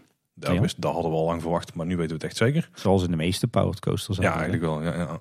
En eh, wat het idee is, volgens mij hebben we het ook, ooit ook wel eens over gehad, is dat je een rondje maakt en dan eh, zie je dat Max en Moritz of, of in ieder geval iets rondom de baan ergens mee bezig is. Want we hebben natuurlijk de twee ritten. Mhm. En op de heen, de, de eerste rondje zie je dus bijvoorbeeld Max op een, ja, op een enorm scheetkussen zitten. Ja. Het stond eigenlijk, eh, eigenlijk eh, vrij netjes eh, uitgeschreven op de Efteling-blog. We kunnen het wel gewoon eventjes voorlezen. Dat is net zo makkelijk. Er staat bij het eerste rondje ontsnap je uit de koekoeksklokkenwerkplaats van vrouw Schmetterling. Eh, maar dan begint een doldwaze rit. En de zeepkistentrein van Max die komt aan het einde van het eerste rondje over de blauwe baan het gebouw binnen bij de school van meester Lempel. Vlak voor aankomst zie je boven in het raam het silhouet van de meester. Hij probeert zijn pijp aan te steken, maar weet niet dat die pijp door Max en Moritz is gevuld met buskruid. Plots ontploft de boel. Hierdoor vliegt de trein vooruit om nog een rondje door het Alpenlandschap te maken. Bij terugkomst zie je vlammen achter de schoolramen, hangt het bordje scheef en komt de zwart geblakerde meester Lempel boos naar buiten. Ja, die animatronic hebben we gezien. Dat is wel echt weer zo'n animatronic uit je nachtmerries, zeg maar. Die, die ziet er best spooky uit. Nou, ik vind dat eigenlijk een hele Eftelingse animatronic. Ja, ik vind hem wel grappig. Ja, vind je hem Eftelings? Ik, vind, ik moet zeggen, toen ik hem zag met dat masker en, en dat haar, toen dacht ik van nou, dit is eigenlijk een van de eerste dingen in Max en Morris waarvan ik echt zeg van, dit is nou echt Eftelings. Oh, oké. Ik vind hem eh, iets te uitgesproken misschien voor een... Ja, ja dat is een Efteling animatronic misschien. Ik wou wel. net zeggen, Trollenkoning, Hugo, eh, Fata Morgana animatronics, hij paste voor mij wel echt in die Hij heeft wel familie. een beetje hetzelfde kapsel als de Trollenkoning. Ja. Ah, oké. ja, ik snap hem wel. Maar eh, ik vind dit wel, wel tof. Dus we hebben sowieso een animatronic. Dat is al goud. ja, Die, de beweging die we tot nu toe in de video hebben gezien, die leken nog een beetje in de programmeerfase te zijn. Dus dat zal het niet uiteindelijk Ja. worden van de eerste video's die online verschenen. Ehm, ik vind het dus wel heel tof. Dus je doet eerst een rondje en dan eh, door iets wat er nog gebeurt in een soort scènetje, daardoor word je een soort van gelanceerd. Ga, krijg je even Ja. extra versnelling om eh, weer door het station heen te razen. En dan zie je daarna dus eh, de situatie die je eerder zag, maar dan getransformeerd omdat er een ontploffing is geweest. Ja. Ik vind dat wel geinig. Ja, heel tof. Ja. Dat lijkt me ook echt wel, ik ben daar wel het meest benieuwd naar, hoor, naar die hele show die je gaat zien. Maar we hadden dan ook nog de, de andere kant, waar dan het Ja. grote scheetkussen zat. Ja, en daar staat aan de andere kant van het gebouw komt de trein van Moritz via het groene spoor aan. Al vanuit de verte zie je Max op en neer springen op een scheetkussen. Bij zijn laatste grote sprong ploft hij met zijn volle gewicht neer op het kussen. Zo ontstaat er een enorme windvlaag. Hierdoor vliegt Max hoog de lucht in en krijgt de trein extra vaart. Dit is niet heel erg logisch trouwens, maar dat terzijde. Ja. Na de tweede ronde zie je dan alleen nog de beentjes van Max bungelen uit het plafond. Ik ben benieuwd hoe dit in de praktijk dan gaat werken. Ik denk dat dit eh, leuke showtjes worden. En ook echt wel van grote meerwaarde is ten opzichte van andere Oh powered ja, zeker. Ja. En voor de kinderen gewoon heel leuk, want uh, En- blijft de doelgroep hè. Ik denk dat het het daar ook wel echt van moet gaan hebben. Eh, nou, jij zegt er wel trouwens, want, ehm, want eh, bij diezelfde dag waar jij eh, was, bij het plaatsen van het treintje, toen was Omroep Brabant op een of andere manier een beetje per ongeluk, maar wel begeleid het station ingekomen. Was niet echt de bedoeling, eh, begreep ik eh, achteraf. Ja, ik, eh, die, die waren volgens mij live aan het uitzenden. Die hadden een livestream via, weet ik het, Facebook of Instagram. dus die konden ook niet echt worden teruggefloten, denk ik, voor het oog van de kijkers. En die liepen gewoon door. En die liepen het opstapstation in, wat absoluut niet de bedoeling was. Ja. Nee. Maar daardoor hebben we wel een kijkje gekregen in het station. Ja. En ik moet zeggen, daar ziet het er eigenlijk best wel goed uit. ja, vond ik eigenlijk ook. Wel een beetje druk, maar da- da- dat is gewoon hoe het eh, dan tegenwoordig werkt. Hè. Maar gewoon best wel sfeervol. Heel veel hout. eh weinig, ja, wel een paar verfvlekken, maar weinig ja, super Weinig gekkigheid. Ja. Ik vond het er redelijk behoudend uitzien, ja. Ja, voor binnen dit project zeker. In, in positieve zin zie ik dat dan. Hè? Je zag wel dat de, de plafonds waren echt eh, eh, behoorlijk vol. Heel veel radartjes en veren en andere onderdelen die je in klokken verwacht. Maar ook heel veel heel mooi sierlijk houtwerk. Eh, gedempt licht uit armaturen die helemaal in thema waren. Ik vond het er eh, sfeervol uitzien. Ja, wat ook opviel is dat er dus animatronics aan het plafond hingen. Daar hebben we eigenlijk al gezien, want die ja, eentje hè, toch? Ja, er komen er volgens mij uiteindelijk twee. Want die concept art die hebben we ooit in het begin gezien. Eh, van Max en die op een soort lichtfiets of zo aan het plafond hangen. En dan al die radaren aandrijven. Dus ik hoop dat het ook allemaal gaat bewegen. Alle bron 1898. Zou heel tof zijn. Zie- Ziet het er nu wel uit? Dat, dat, dat moet ik bijna wel. Hè. Ja. Ehm, dus dat is wel, wel tof. Ik weet niet hoe dat dan precies gaat samenwerken met het feit dat dan Moritz of Max ook op springkussen of skateskussen staat te springen. Ja, de- die animatronic komt nu inderdaad nog niet echt terug in het verhaal. Maar wie weet. En wat wel een heel tof detail was. Op een van die afbeeldingen die in het, eh, in het station hangt. Daar staat het patent voor het nokkenschuifsysteem op.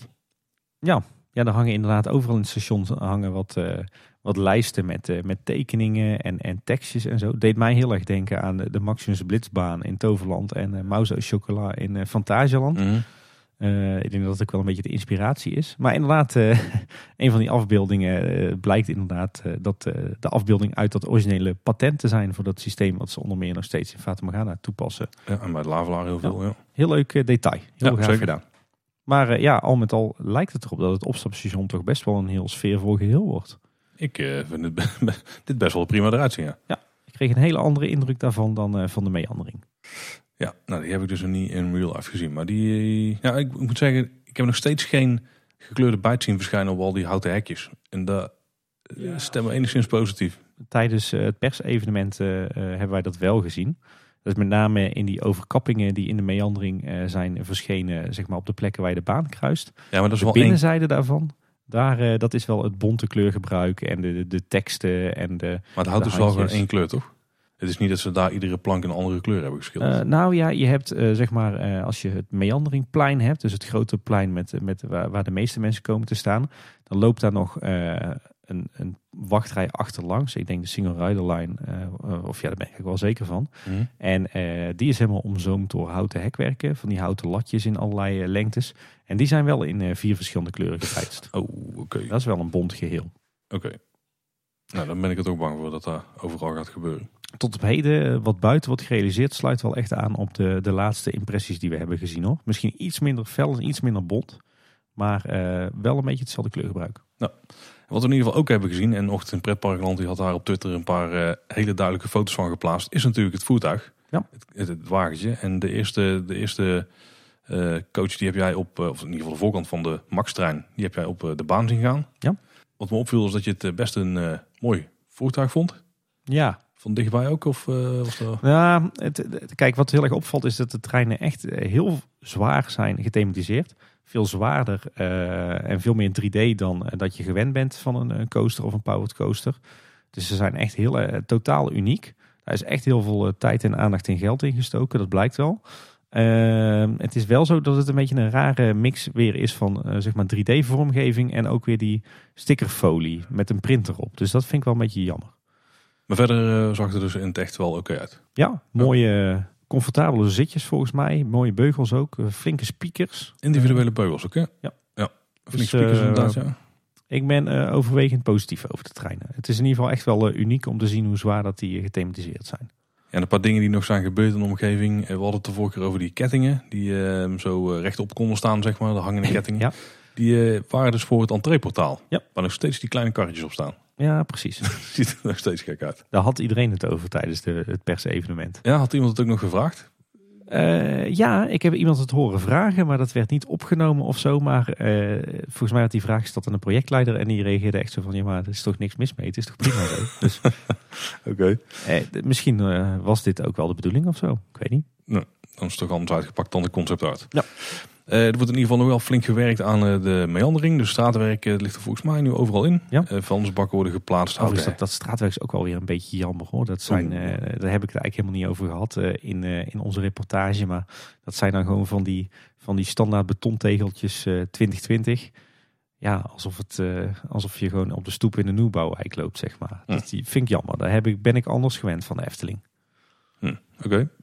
En eh, de vuilnisbakken en het houten hekwerk en de decoraties en effecten. Ja, er wordt eh, volop gewerkt aan de meandering. Ja. En eh, ook de paaltjes die zijn inmiddels verschenen, die zeg maar ons straks in goede banen moeten leiden. De staanders daarvan hadden we al gezien. Dat waren volgens mij gewoon ronde houten staanders. En daar liggen nu zeg maar de, de dwarsliggers in. En dat zijn dan weer van die hele ruw houten balken.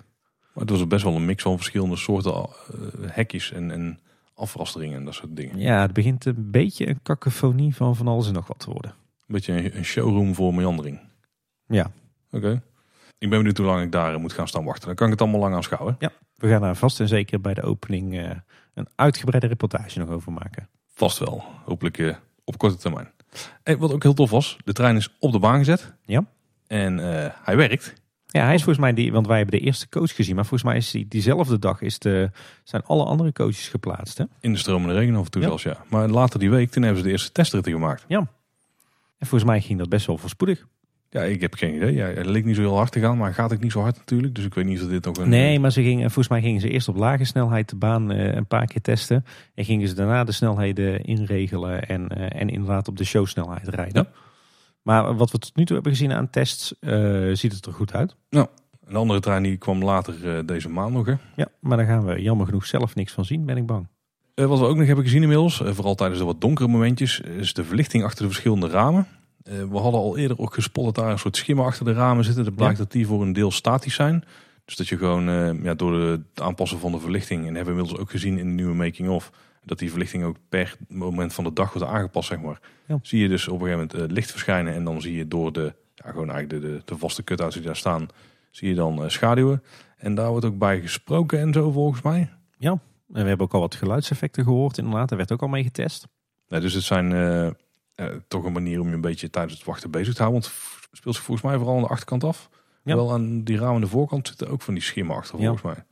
En wat we nog meer in diezelfde making-of zagen, eh, er waren dus lampjes in de meandering die werden opgehangen. Eh, de engineering en de assemblage van die boomknaller. Er is geheel in eigen huis gebeurd. Zowel de engineering als de, de montage, zeg maar. Eh, echt een, eh, een staaltje Efteling engineering. Ik denk dat eh, Peter Reinders daar eh, trots op zou zijn geweest.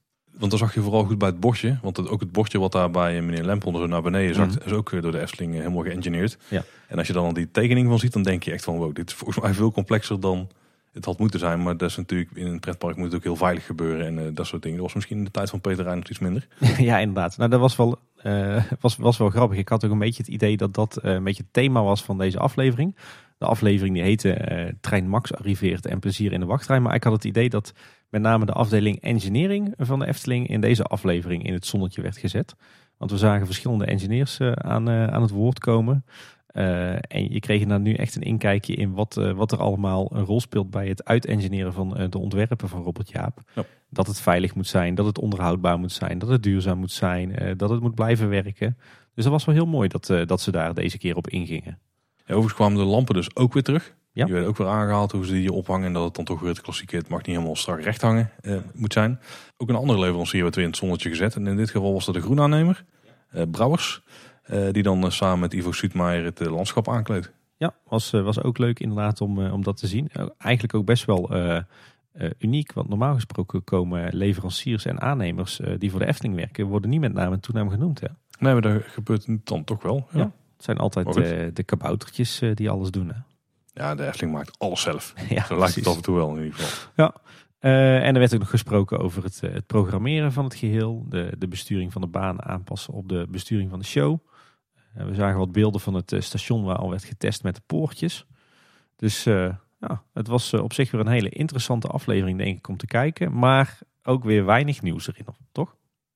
Ja, nou toch wel een paar dingen zoals die boomknaller. Eh, Kijk, voor jou misschien niet, want jij was natuurlijk bij die opening.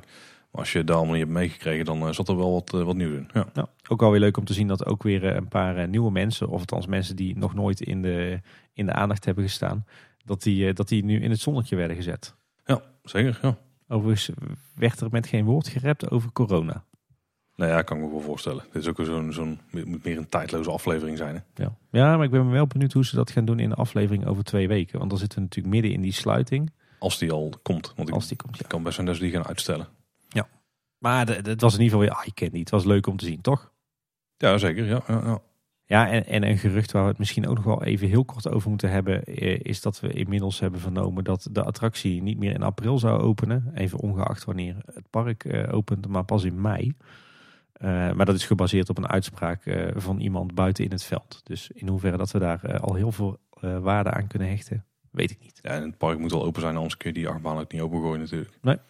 We hebben nog wel het horecaplein, hè? daar werd niet zo heel veel over gerept. Ehm, Nee, daar wil niemand over praten tijdens, eh, tijdens het persevenement, viel mij op.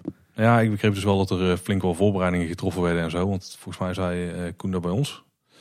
Maar in ieder geval weinig inhoudelijk erover. Maar wat er opvalt is dat ze dus nog meer hebben leeggeveegd van het plein. Ja. Eh, want eigenlijk heb je nu een, een steenbokplein wat eh, loopt zoals een steenbokplein was. Maar ook gewoon helemaal tot het spoor. Het hele Ja. pad wat erachter lag is gewoon helemaal opengetrokken. Is gewoon helemaal weg. Ja, ze hebben eigenlijk dat hele gebied helemaal leeggeveegd. Ehm, alles is ook weggehaald. Ook de lantaarnpalen en de muurtjes van het terras van de steenbok zijn allemaal eh, weggehaald. Het, eh, het pad tussen de, zeg maar wat tussen de steenbok en de, de oude roeivijver loopt, dat, eh, het pad was ook eh, afgesloten. Hoe kwam je dan bij de steenbok op dat moment? Via, oh, via Max en Moritz natuurlijk. Nou, de, die laatste week dat de Efteling open was, was het zo dat je, dat je dus niet vanaf het Warrelplein rechtstreeks richting Vatamorgana Steenbok kon lopen. Maar dat je echt via Spookslot moest lopen om bij eh Vatamorgana uit te komen. Oh, ik kon niet via het paadje langs de Vlonder lopen. Oh, daar komt, ja, je hebt gelijk. Dat komt wel trouwens. Die was wel open, ja. Maar dan moest je dus helemaal om eh, het Steenbokplein heen lopen, zeg maar richting eh, Max en Moritz, eh, de bouwwerkzaamheden. Ja. En dan het kleine paadje om naar de Steenbok te gaan. Ja, zeg maar dat, dat oude asfaltpad met die grote eiken erlangs en, eh, en in, eh, in de herfst altijd die modder. Dat was dus eh, voor een groot deel opengebroken. In ieder geval tot de- back of the house van Fabula. En daar werd ook eh, een, een aantal sleuven gegraven. Waarschijnlijk voor ook weer om kabels en leidingen aan te passen. Zo, je gaat wel echt iets groots gebeuren. hoor. Ja, het, het lijkt er wel op dat het vooral infrastructureel is hoor. Ze zijn nu, of althans vorige week waren ze nog vooral druk bezig met, eh, met de hele hemelwaterafvoer van het, eh, het nieuwe gebied te regelen. Ja, dit natuurlijk wel, maar dat zijn dingen die kunnen zonder vergunning. Ja. Maar als we het hele plein hebben opengebroken, echt gewoon tot aan het spoor. En het hele terras is weg van de Steenbok. Ja, ze, ze, gaan sowieso het hele gebied helemaal herinrichten. Ja. Eh, maar ook hier heb ik wel even van opgevangen dat dit ook onderdeel zou zijn van de kaasschaaf. Dus dat, er, eh, dat het zou kunnen dat er voorlopig nog geen nieuwe horeca wordt gebouwd, maar dat het op een later eh, tijdstip zou gaan plaatsvinden. Genoeg plek om te schaven als die achtbaan maar komt. Ja, maar ik, ja, ik ben heel erg benieuwd eh, wat we hier gaan zien. Vooralsnog lijkt het vooral echt een infrastructureel project te zijn. Dan de Hollandse gebakraam. Ik denk de laatste keer dat we het erover gaan hebben voor Ja. lange tijd. Die is nu echt open. Ja, inderdaad. We hebben het er al een paar keer over gehad. Eh, waar we het nog niet over hadden gehad, of wat we nog niet hadden gezien, is dat eh, er ook hele fraaie hanglampen aan het plafond hangen. Ja, klopt ja. ja. En ik moet zeggen, ik was er de vorige twee keren eh, redelijk negatief over. Ik moet zeggen, nou het af is, ziet het er stiekem toch wel een beetje uit als een oliebollenkraam. En is het toch ook wel een smaakvol geheel.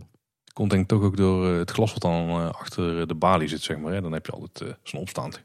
Ja, en ook omdat de, de tent ook goed in je elleboog hoest, Paul. Nou, dat was meer in mijn schouder.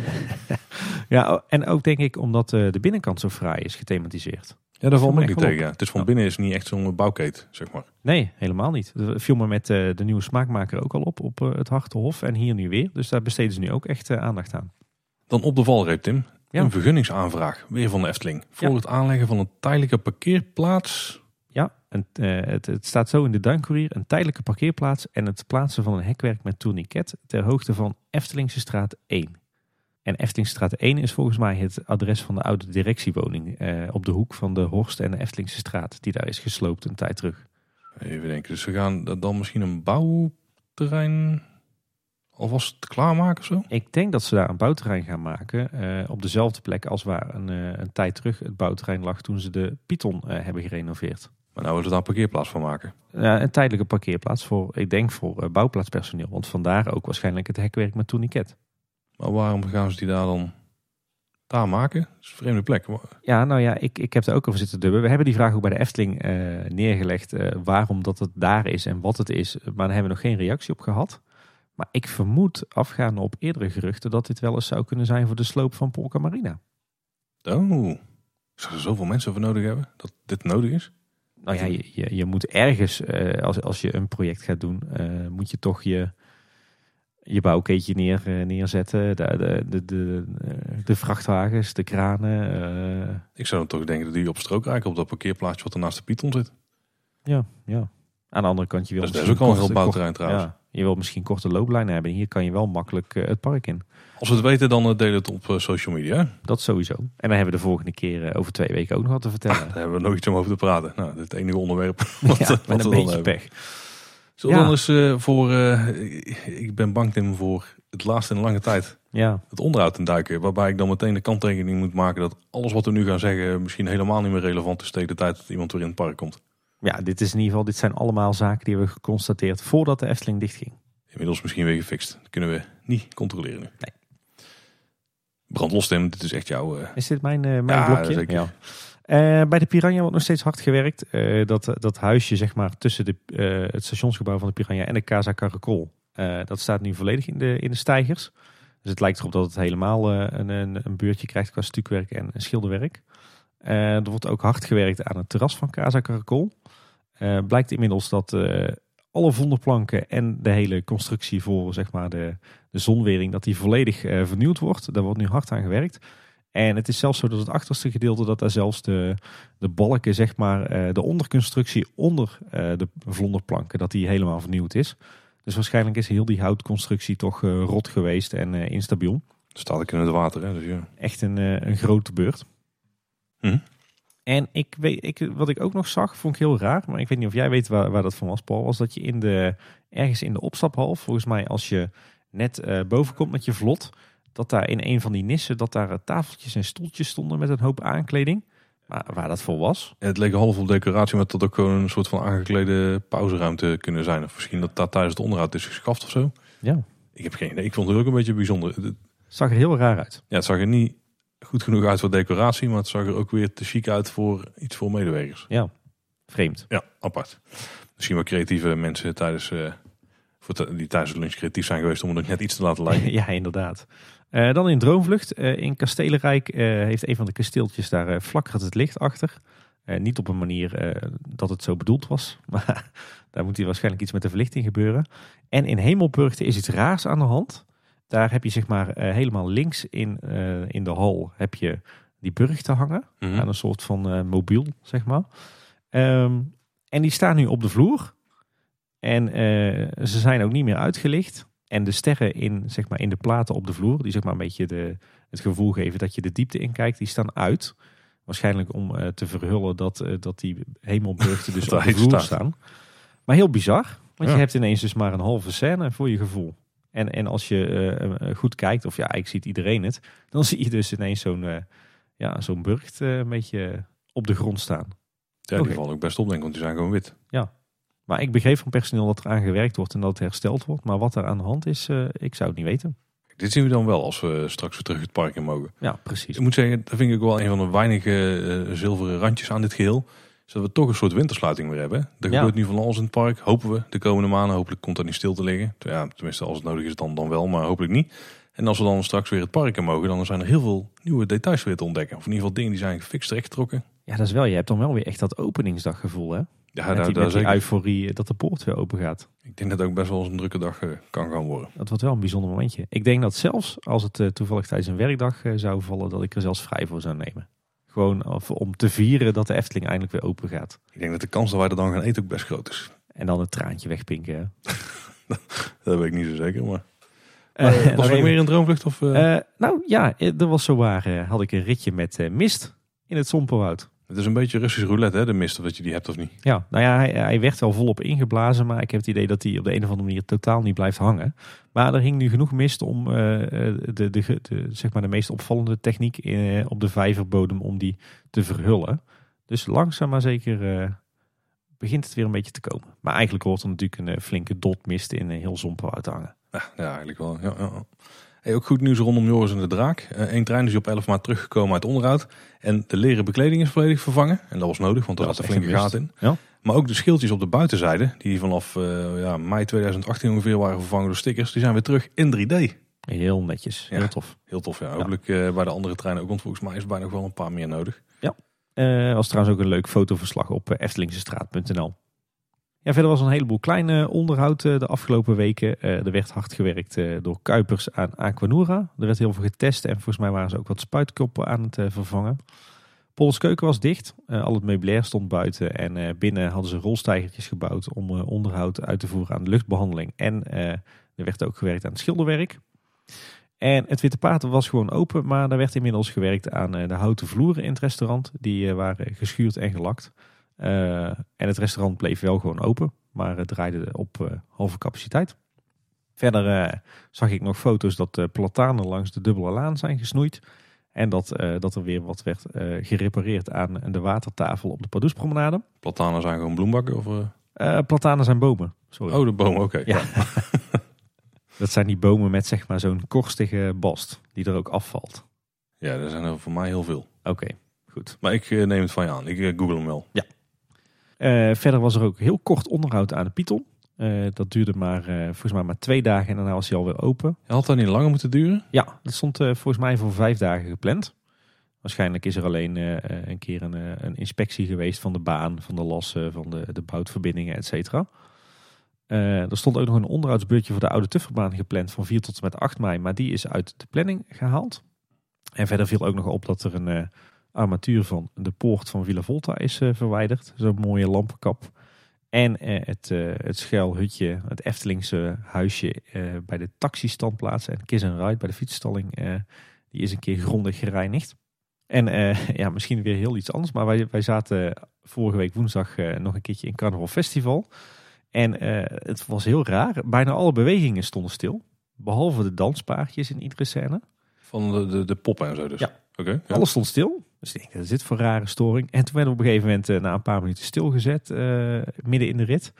Uh, en toen was er een soort van harde reset, want toen viel ineens alle verlichting uit. Werd pikken donker, schoot een soort van werkverlichting aan, witte verlichting. En daarna weer de showverlichting. En toen deed je alle bewegingen het ineens weer wel. Misschien een storingje met de fanfare gehad of zo? Ik denk een soort van bug in de software of zo. Ja. Of zoals mijn dochter zei, papa, de batterij was op. Ik heb het kort tussendoortje. Ik heb wel eens gehad dat we in de auto zaten en de, toen zag de dochter die zag allemaal windmolens uh, langs de weg staan. En die zei: Papa, waarom draaien de windmolens niet? Oh, wacht, ik weet het al. De batterijen zijn op. Ja, dus, zoiets was dit ook. Zo dus. werkt dat, ja. Ja, verder zagen we ook nog wat dingetjes voorbij komen van uh, F-Top 64 Remix. Uh, die was nog even in de Fata Morgana geweest. Ja, die had onder andere gespot dat de nek van de eerste kalief het heeft begeven. Dus die hangt er een beetje op standje half elf. Eh, de mond van de koopman in het schip die beweegt niet meer. En de speakers in de kantelkamer die kraken. Net als bij de stormsectie. Maar het olielampje van de supier die is wel gemaakt. Ja, uh, dus er wordt daar uh, weer hard gewerkt aan dat soort kleine dingetjes. En Nick, uh, Efton Nerd, die was ook nog in het Sprookjesbos geweest. En die had ook nog wat kleine dingetjes gezien. Onder meer dat de molenaarszoon in Herberg de Eersteling een nieuwe pruik heeft. En de dwergen van Sneeuwwitje nieuwe kleding hebben gekregen. Bij het meisje met de zwavelstokjes werd onderhoud uitgevoerd. Dat was allemaal afgesloten met hekken. Dus waarschijnlijk uh, kregen die ook nieuwe kleren of nieuwe pruiken, iets in die geest. Uh, alleen de, de deurkabouter van hé, uh, hey, daar is toch niemand voor mhm. mij, daar ook niet. Nou ja, ik zal, het wel, zal me wel vergist hebben. Die heeft nog steeds een wintertekst. Oh, die dus, hoge gepitchte variant. Ja, ja dus waarschijnlijk zijn ze daar vergeten een cassettebandje te vervangen. En Nick had verder ook nog gezien dat de molen op het Larikoekenhuis inmiddels weer stilstaat. Ook zo'n uh, defectje wat uh, iedere keer weer terugkomt. Ja, bij Bosrijk hebben ze de, de vlonder in de vijver. Daar bij het kasteel van Klaas Vaaks. Die, uh, waar je op kunt lopen als je door de poort heen komt. Recht vooruit. Ja, die is helemaal voorzien van nieuw leuningwerk. Die ziet er echt weer fris uit. Fris uit. Ja, heel netjes. Binnenkort, 23 tot en met 26 maart, is het badhuis dicht in Bosrijk. Uh, dan is sowieso natuurlijk alles dicht in Bosrijk. Uh, maar dan gaat er onderhoud worden uitgevoerd aan het zwembad. En dat wordt dan uh, leeggepompt. En in eerste instantie had de Efteling verzonnen dat de gasten van Bosrijk dan konden uitwijken naar Stappengoor in Tilburg of het Olympiabad in Waalwijk. Twee binnenzwembaden. En de Efteling die zou dan de kosten vergoeden. Maar ja, dat is natuurlijk niet meer van toepassing, want Bosrijk staat leeg. Ja. Ik ga overigens wel nog even checken van de week of je nu wel gewoon Bosrijk en het Loonse Land op kan om eh, even bij de diertjes te kijken en even in de speeltuintjes te spelen. Uh, bericht ons maar op Twitter daarvan. Ja, of in de volgende nieuwsaflevering. Oh, daar kan natuurlijk ook, ja. Dan hebben we weer iets om over te praten. Dat wordt wel onderwerpen. En een laatste uh, onderhoudspuntje, dat viel mij van de week ineens op op de Europalaan. Toen ik daar lekker sportief langs fietste. dat het, het torentje Eh, aan de buitenkant van het Gildenhuis. En zo'n klein torentje is dat in de hoek bij het voormalige kinderspoor. Dat er al het stukwerk vanaf is gevallen. Ja, er zit er een beetje, er zit er een beetje grommel uit. uit hè? Ja, het, het, leek, het had wel wat weg van het diorama op de een of andere manier. ja. Maar het zal wel niet de bedoeling zijn. Ik snap wat je bedoelt. Dan kort nieuws. er zijn ja. een hoop nieuwe borden verschenen in Estling. Ja, zouden we eigenlijk ook een blokje van kunnen maken. Hè? Bordennieuws. Ja, nou dat gebeurt niet heel vaak, maar in dit geval waren het best wel uh, prima bordjes eigenlijk. Hè? Ja. Nou, sowieso een nieuw bord bij het Openluchttheater in het Sprookjesbos. Dat was eerst eigenlijk gewoon zo'n grote geprinte plaat, maar nu is het een uh, mooi 3D vormgegeven bordje op een paal. Uh, met daarin dan wel een poster. Ja, en dat was heel fraai gedaan. Mooi in de piekkleuren, mooi inderdaad in hout uitgetimmerd. met heel veel fraaie details erin. Heel gaaf gedaan. En ook bij de kiosk op het Dwarrelplein een vergelijkbaar bord. Dat die posters zijn niet helemaal in stijl van het bord zelf weer dan. Nee, daar moeten ze nog wel wat uh, mee doen. Want maar ook het lettertype inderdaad boven het bordje was ook uh, klassiek Estelings. Ik vond het heel fraai. Ja. Echt heel mooi gedaan. Maar, maar daar de, de posters misschien nog op aanpassen. Maar dat is makkelijk gedaan hè? Ja, ja, want sowieso ik geloof dat op de poster die bij de kiosk van het uh, Dwarrelplein hangt. die de Efteling bewoners aankondigt dat daar ook wat foutjes op stonden. Want volgens mij was daar een gedeelte in het Engels aangegeven wat Nederlands had moeten zijn of zo. Dat, Nou, volgens mij was het ook zo dat in het Nederlands was daar volgens mij in de weekenden. Maar volgens de Engelse tekst was het ook door de week. Zoiets was Ja, iets in die geest. maar echt volop complimenten voor het uiterlijk van die nieuwe borden. Echt schitterend. En ook bij Pirea een nieuw bord. Uh, dat is dus om de, de, ja, de single duo wachterij te scheiden. Blijkbaar is het nou ook weer een single wachterij geworden. Single nee, volgens mij is er één wachtrij voor als je met één of twee personen bent. En één wachtrij voor drie en meer. Daar hebben we nu een duidelijker bord bijgehangen. Ja. Om wat duidelijker aan te geven. En ook in het Efteling Museum hebben we een nieuw bordje gevonden.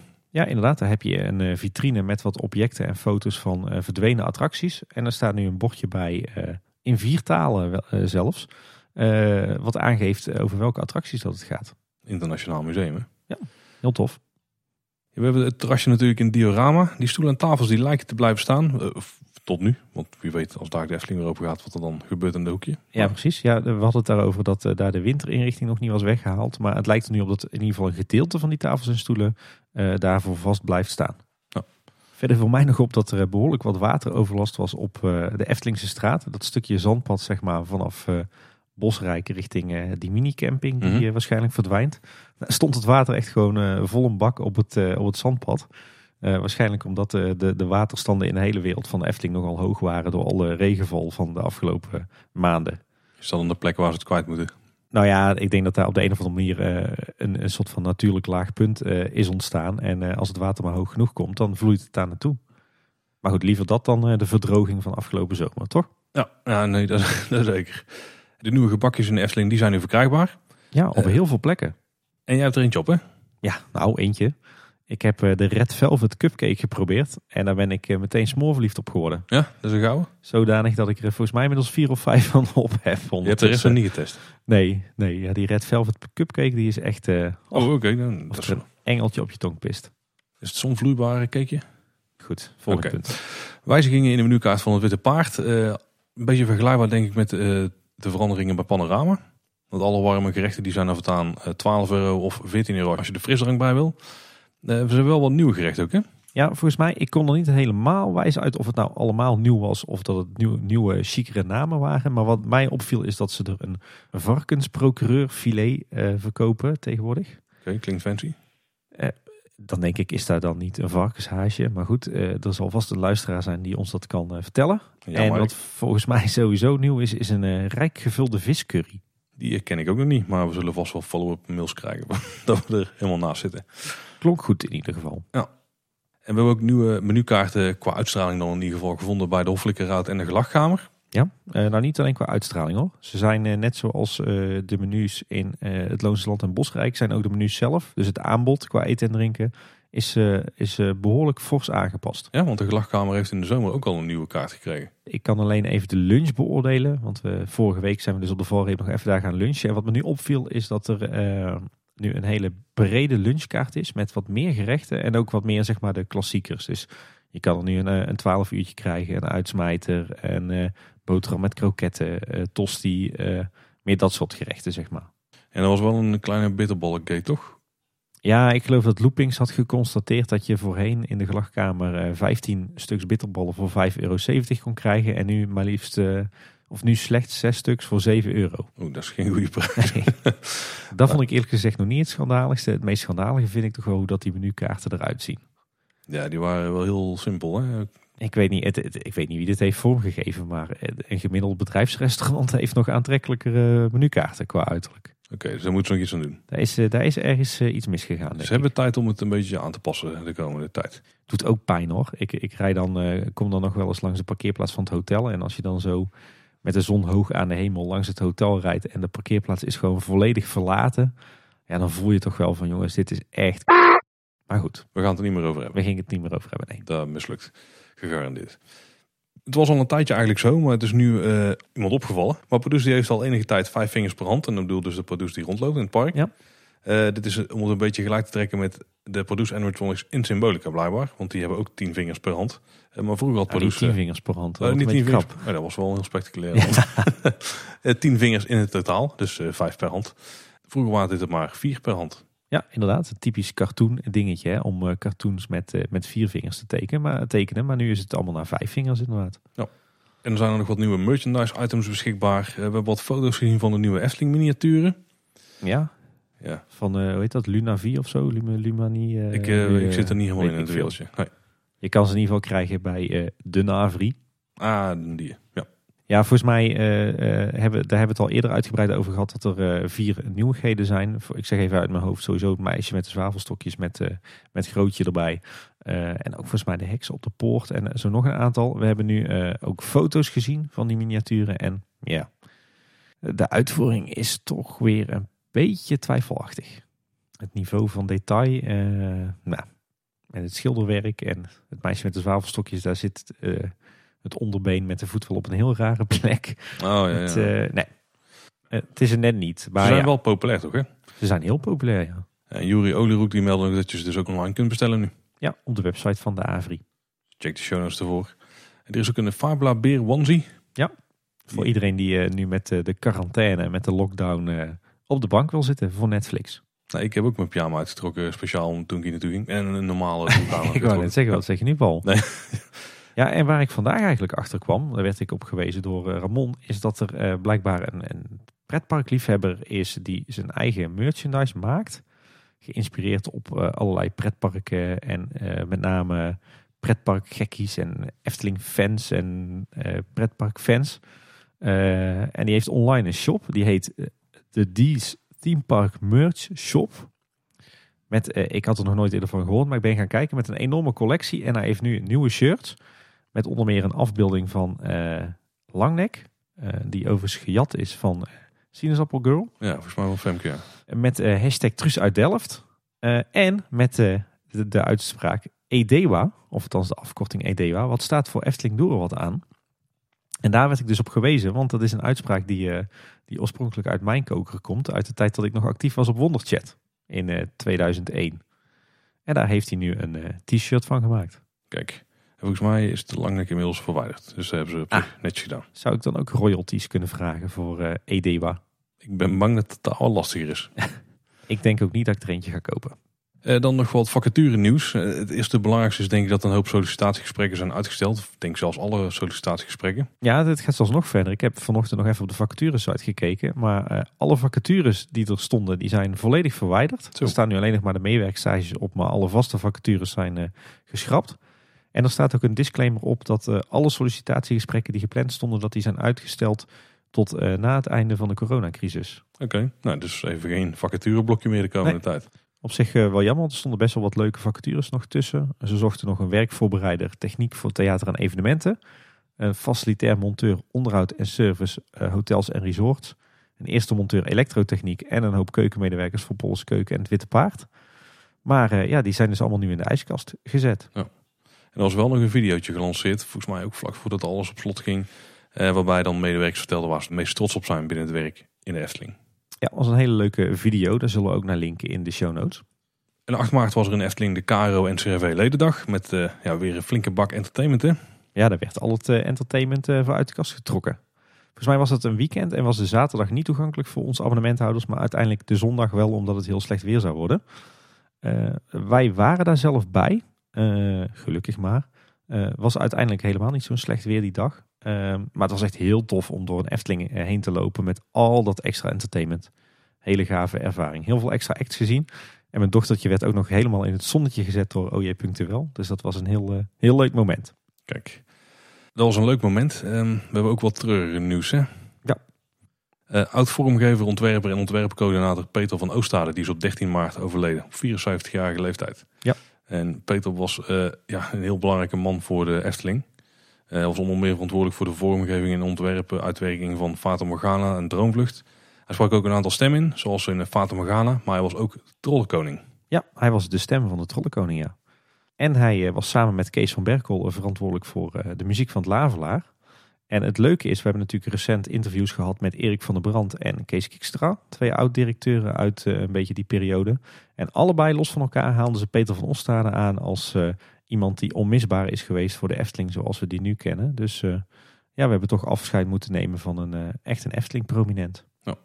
ja. wil je nog meer lezen van wat Peter heeft betekend voor de Efteling, dan kun je het beste Eftepedia even checken. we linken het lemma in de show notes. Ja. Op 1 april 2020 dan staat de Sprookjesboom al tien jaar in de Efteling, uh, Tim. Al tien jaar in Ja. de Efteling in het Sprookjesbos. Ik ben er inmiddels wel aan gewend. Je bent eraan gewend. Ja.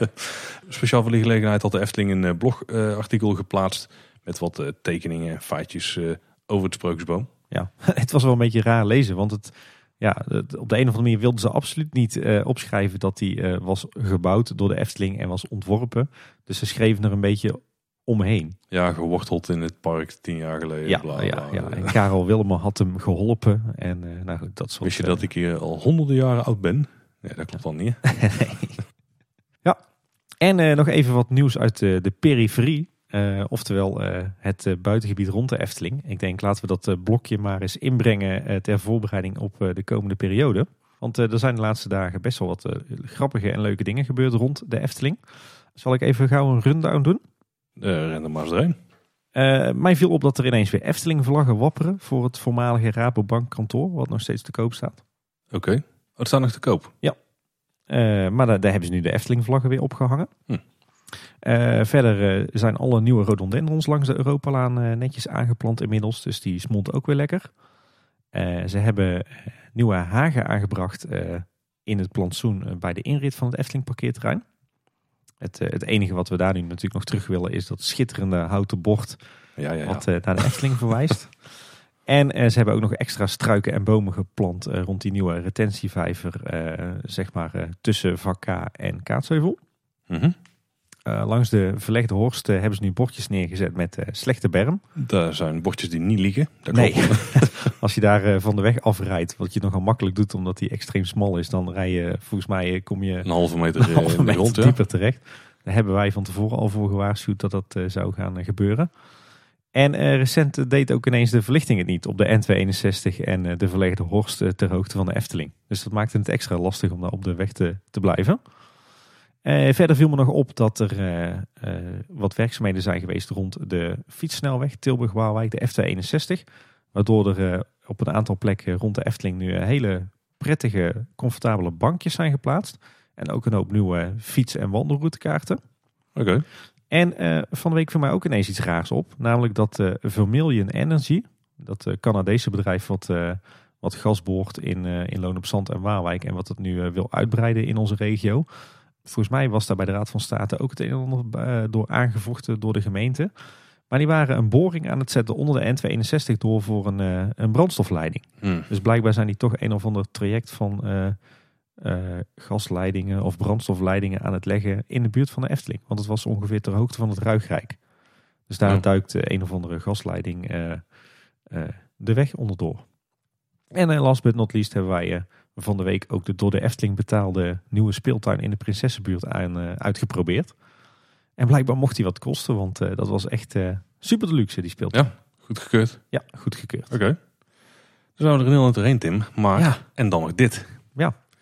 Da- Daar kunnen we de volgende keer ook wel meer tijd voor nemen. Ik heb eigenlijk een eh, heel klein dingetje. Eh, mocht je ons nou nog niet beu zijn. eh, er zijn een hoop mensen... kan me niet voorstellen. Ja. Maar er zijn een hoop mensen in de wereld van de pretparken die vlogs maken of die podcasts maken. En die zijn ook een beetje aan het kijken hoe ze gaan, zullen het overwinteren noemen. Dus het eigenlijk Ja. niet, maar het komt er wel een beetje op neer. En die zijn wel nieuwe initiatieven gestart.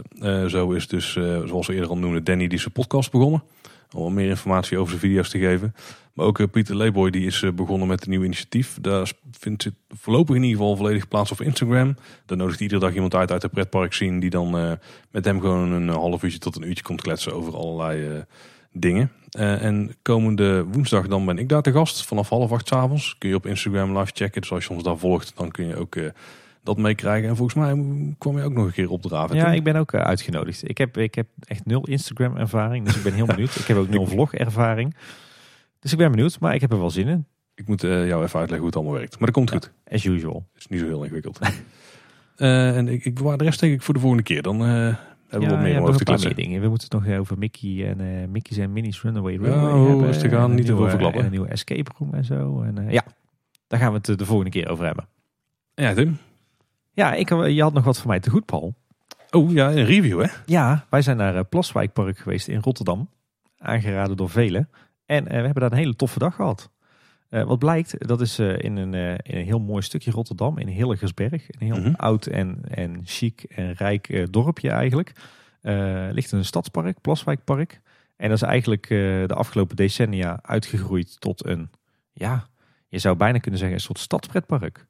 Oh. Dus het is een heel authentiek stadspark met een gedeelte met wat dieren. Met heel veel speeltuinen. Met een schitterende indoor speeltuin die helemaal door Jora Vision is uh, vormgegeven. met ook wat attractietjes. Dus denk aan een draaimolen, denk aan een treintje wat rondrijdt. En het is een hele bijzondere plek. Het, het past wel een beetje in dat sfeertje van stadspretparken. Als je het moet omschrijven, een combinatie maken van verschillende onderdelen, wat zou het dan een beetje zijn? Het deed mij heel erg denken aan de Jardin d'Acclimatation. Oké, die, kennen de meeste mensen dan misschien niet. Of, uh, of een hele chique versie van Pukkemuk misschien. Ja, oké, oké, daar kan ik wel iets mee. Ja. Maar, dan, maar dan in een stadspark. Met dieren en zo ook nog erbij. Ja, ook een stukje, ook een dierentuin erbij inderdaad. En heel veel activiteiten. Dus als je kinderen hebt en je hebt wat met, uh, ja, met stadspretparken, dan, uh, of stadsparken al in algemene zin, of dieren, dierenparken, dan moet je echt ook eens in Plaswijkpark gaan kijken. Was de perfecte kinderleeftijd om daarheen te gaan? Oeh, drie, vier jaar denk ik zo. Oké. Okay. Dus echt een aanrader. En ik had nog wat nieuws uit Rotterdam wat mij opviel. Uh, want Diergaarde Blijdorp, een van de mooiste dierentuinen van Nederland toch wel, die heeft zijn masterplan gepresenteerd tot 2030. En ik was daar aangenaam door verrast. onder meer nieuwe mooie verblijven voor hun Indische olifanten en gorilla's. En wat mij met name heel erg beviel, is dat ze hebben gezegd dat voor 2030 alle monumenten in de tuin eh, zijn gerestaureerd. Dus alle Siebold van Ravenstein bouwsels. Uh, waaronder de Bergdierenrots, de Grote Vijver. Maar ook de, de Victoria Serre en de Riviera Wat echt uh, prachtige monumenten zijn. En die willen ze dus voor 2030 uh, gaan restaureren. En een heel tof masterplan. Met ook heel veel aandacht voor natuurbehoud en dierenwelzijn en thematisering. En ja, ziet er heel tof uit. Ik zal een linkje in de show notes zetten. En als je er meer over wilt weten, dan is ook aflevering 74 van uh, Zoo Insight, de enige Nederlandstalige dierentuin-podcast, is een, uh, een aanrader om te luisteren. Die hebben dan wel de luxe dat er gewoon een compleet uitgewerkt masterplan voor de komende tien jaar klaar ligt voor ze. Ja. Daar hebben wij dan niet echt die luxe. Nee, absoluut niet. Nee, en het is door Blijdorp ook netjes in een. ze hebben animaties gemaakt en een oh. filmpje. Oh, en er is een lezing geweest en een hele website aangeweid. Dus die doen dat heel goed. Oké, oké. En ik geloof dat ze daar de financiering van vrijwel alle onderdelen ook rond hebben. Dus uh, daar heb ik zin in. En nog een laatste luistertip. Uh, Afterpark Lounge, onze collega's van de Vijf Zintuigen. Die hebben in uh, aflevering 42 Henk Groene geïnterviewd. En Henk Groene is de, de grote marketingman bij Europa Park voor de Benelux. Mhm. Maar hij is ook oud woordvoerder en oud ja, hoofdcommunicatie en hoofdmarketing en communicatie van de Efteling. Ja, daar zat inderdaad ook wel verwijzingen naartoe. Hè? Uit de goede oude tijd dat ik zelf inderdaad nog rondliep als wonderchatter. Dus viel me wel op. Henk Groene was destijds, stond hij bekend dat hij weinig moest hebben van Efteling-liefhebbers. Of althans, daar was hij redelijk beschermend. of hij had een redelijk beschermende houding wat dat betreft. Maar nu is hij, staat hij helemaal open voor fanmedia. net zoals de Efteling zelf trouwens tegenwoordig. Maar het was leuk om Henk weer eens terug te, terug te horen. En vooral leuk dat Henk ook een eh, connectie heeft met uh, Texel. Wat uh, toch wel de mooiste vakantiebestemming in eigen land is. Buiten de parken van Efteling misschien, Tim. ja, dan zijn we er wel helemaal doorheen. Ja, de komende weken dan gaan wij dus gewoon door. Ja. Eh, tenzij we geveld worden door het coronavirus. Dat zou natuurlijk ook nog kunnen. Nou, wij zijn, eh, ik weet dat wij in onze 2,5-jarige geschiedenis al behoorlijk vaak hebben opgenomen terwijl we doodziek waren. Dus Ja, maar als dat nou echt zo is. Ja, nu, we hebben nu wel dus een, een mogelijkheid. Hè? ja, Oh. j- jij hebt, eh, jij, jij hebt mij een gedeelte van jouw podcast apparatuur gedoneerd. Ja, tijdelijk Tim. Daar valt weer tegen dan. Maar dan hebben we in ieder geval de mogelijkheid om ook gescheiden van elkaar gewoon een aflevering op te nemen zoals we het altijd doen. Alleen dan zit er eh, een digitale muur tussen in plaats van eh, ja, lucht. Maar daar merken jullie als het goed is niks van. Ja, wij gaan gewoon keihard ons best doen om de komende weken en maanden gewoon iedere maandag een leuke aflevering te hebben. Ja, zeker. Dus eh, blijf gewoon luisteren. En wil je iets aan ons kwijt, heb je ideeën voor afleveringen die we kunnen maken in deze treurige periode, dan stuur die naar ons toe. Ja. Makkelijkste manier is zoals we altijd zeggen, Twitter. Daar zijn we @kboodschap. Boodschap. En je kan ons natuurlijk ook vinden op eh, kleineboodschap.com.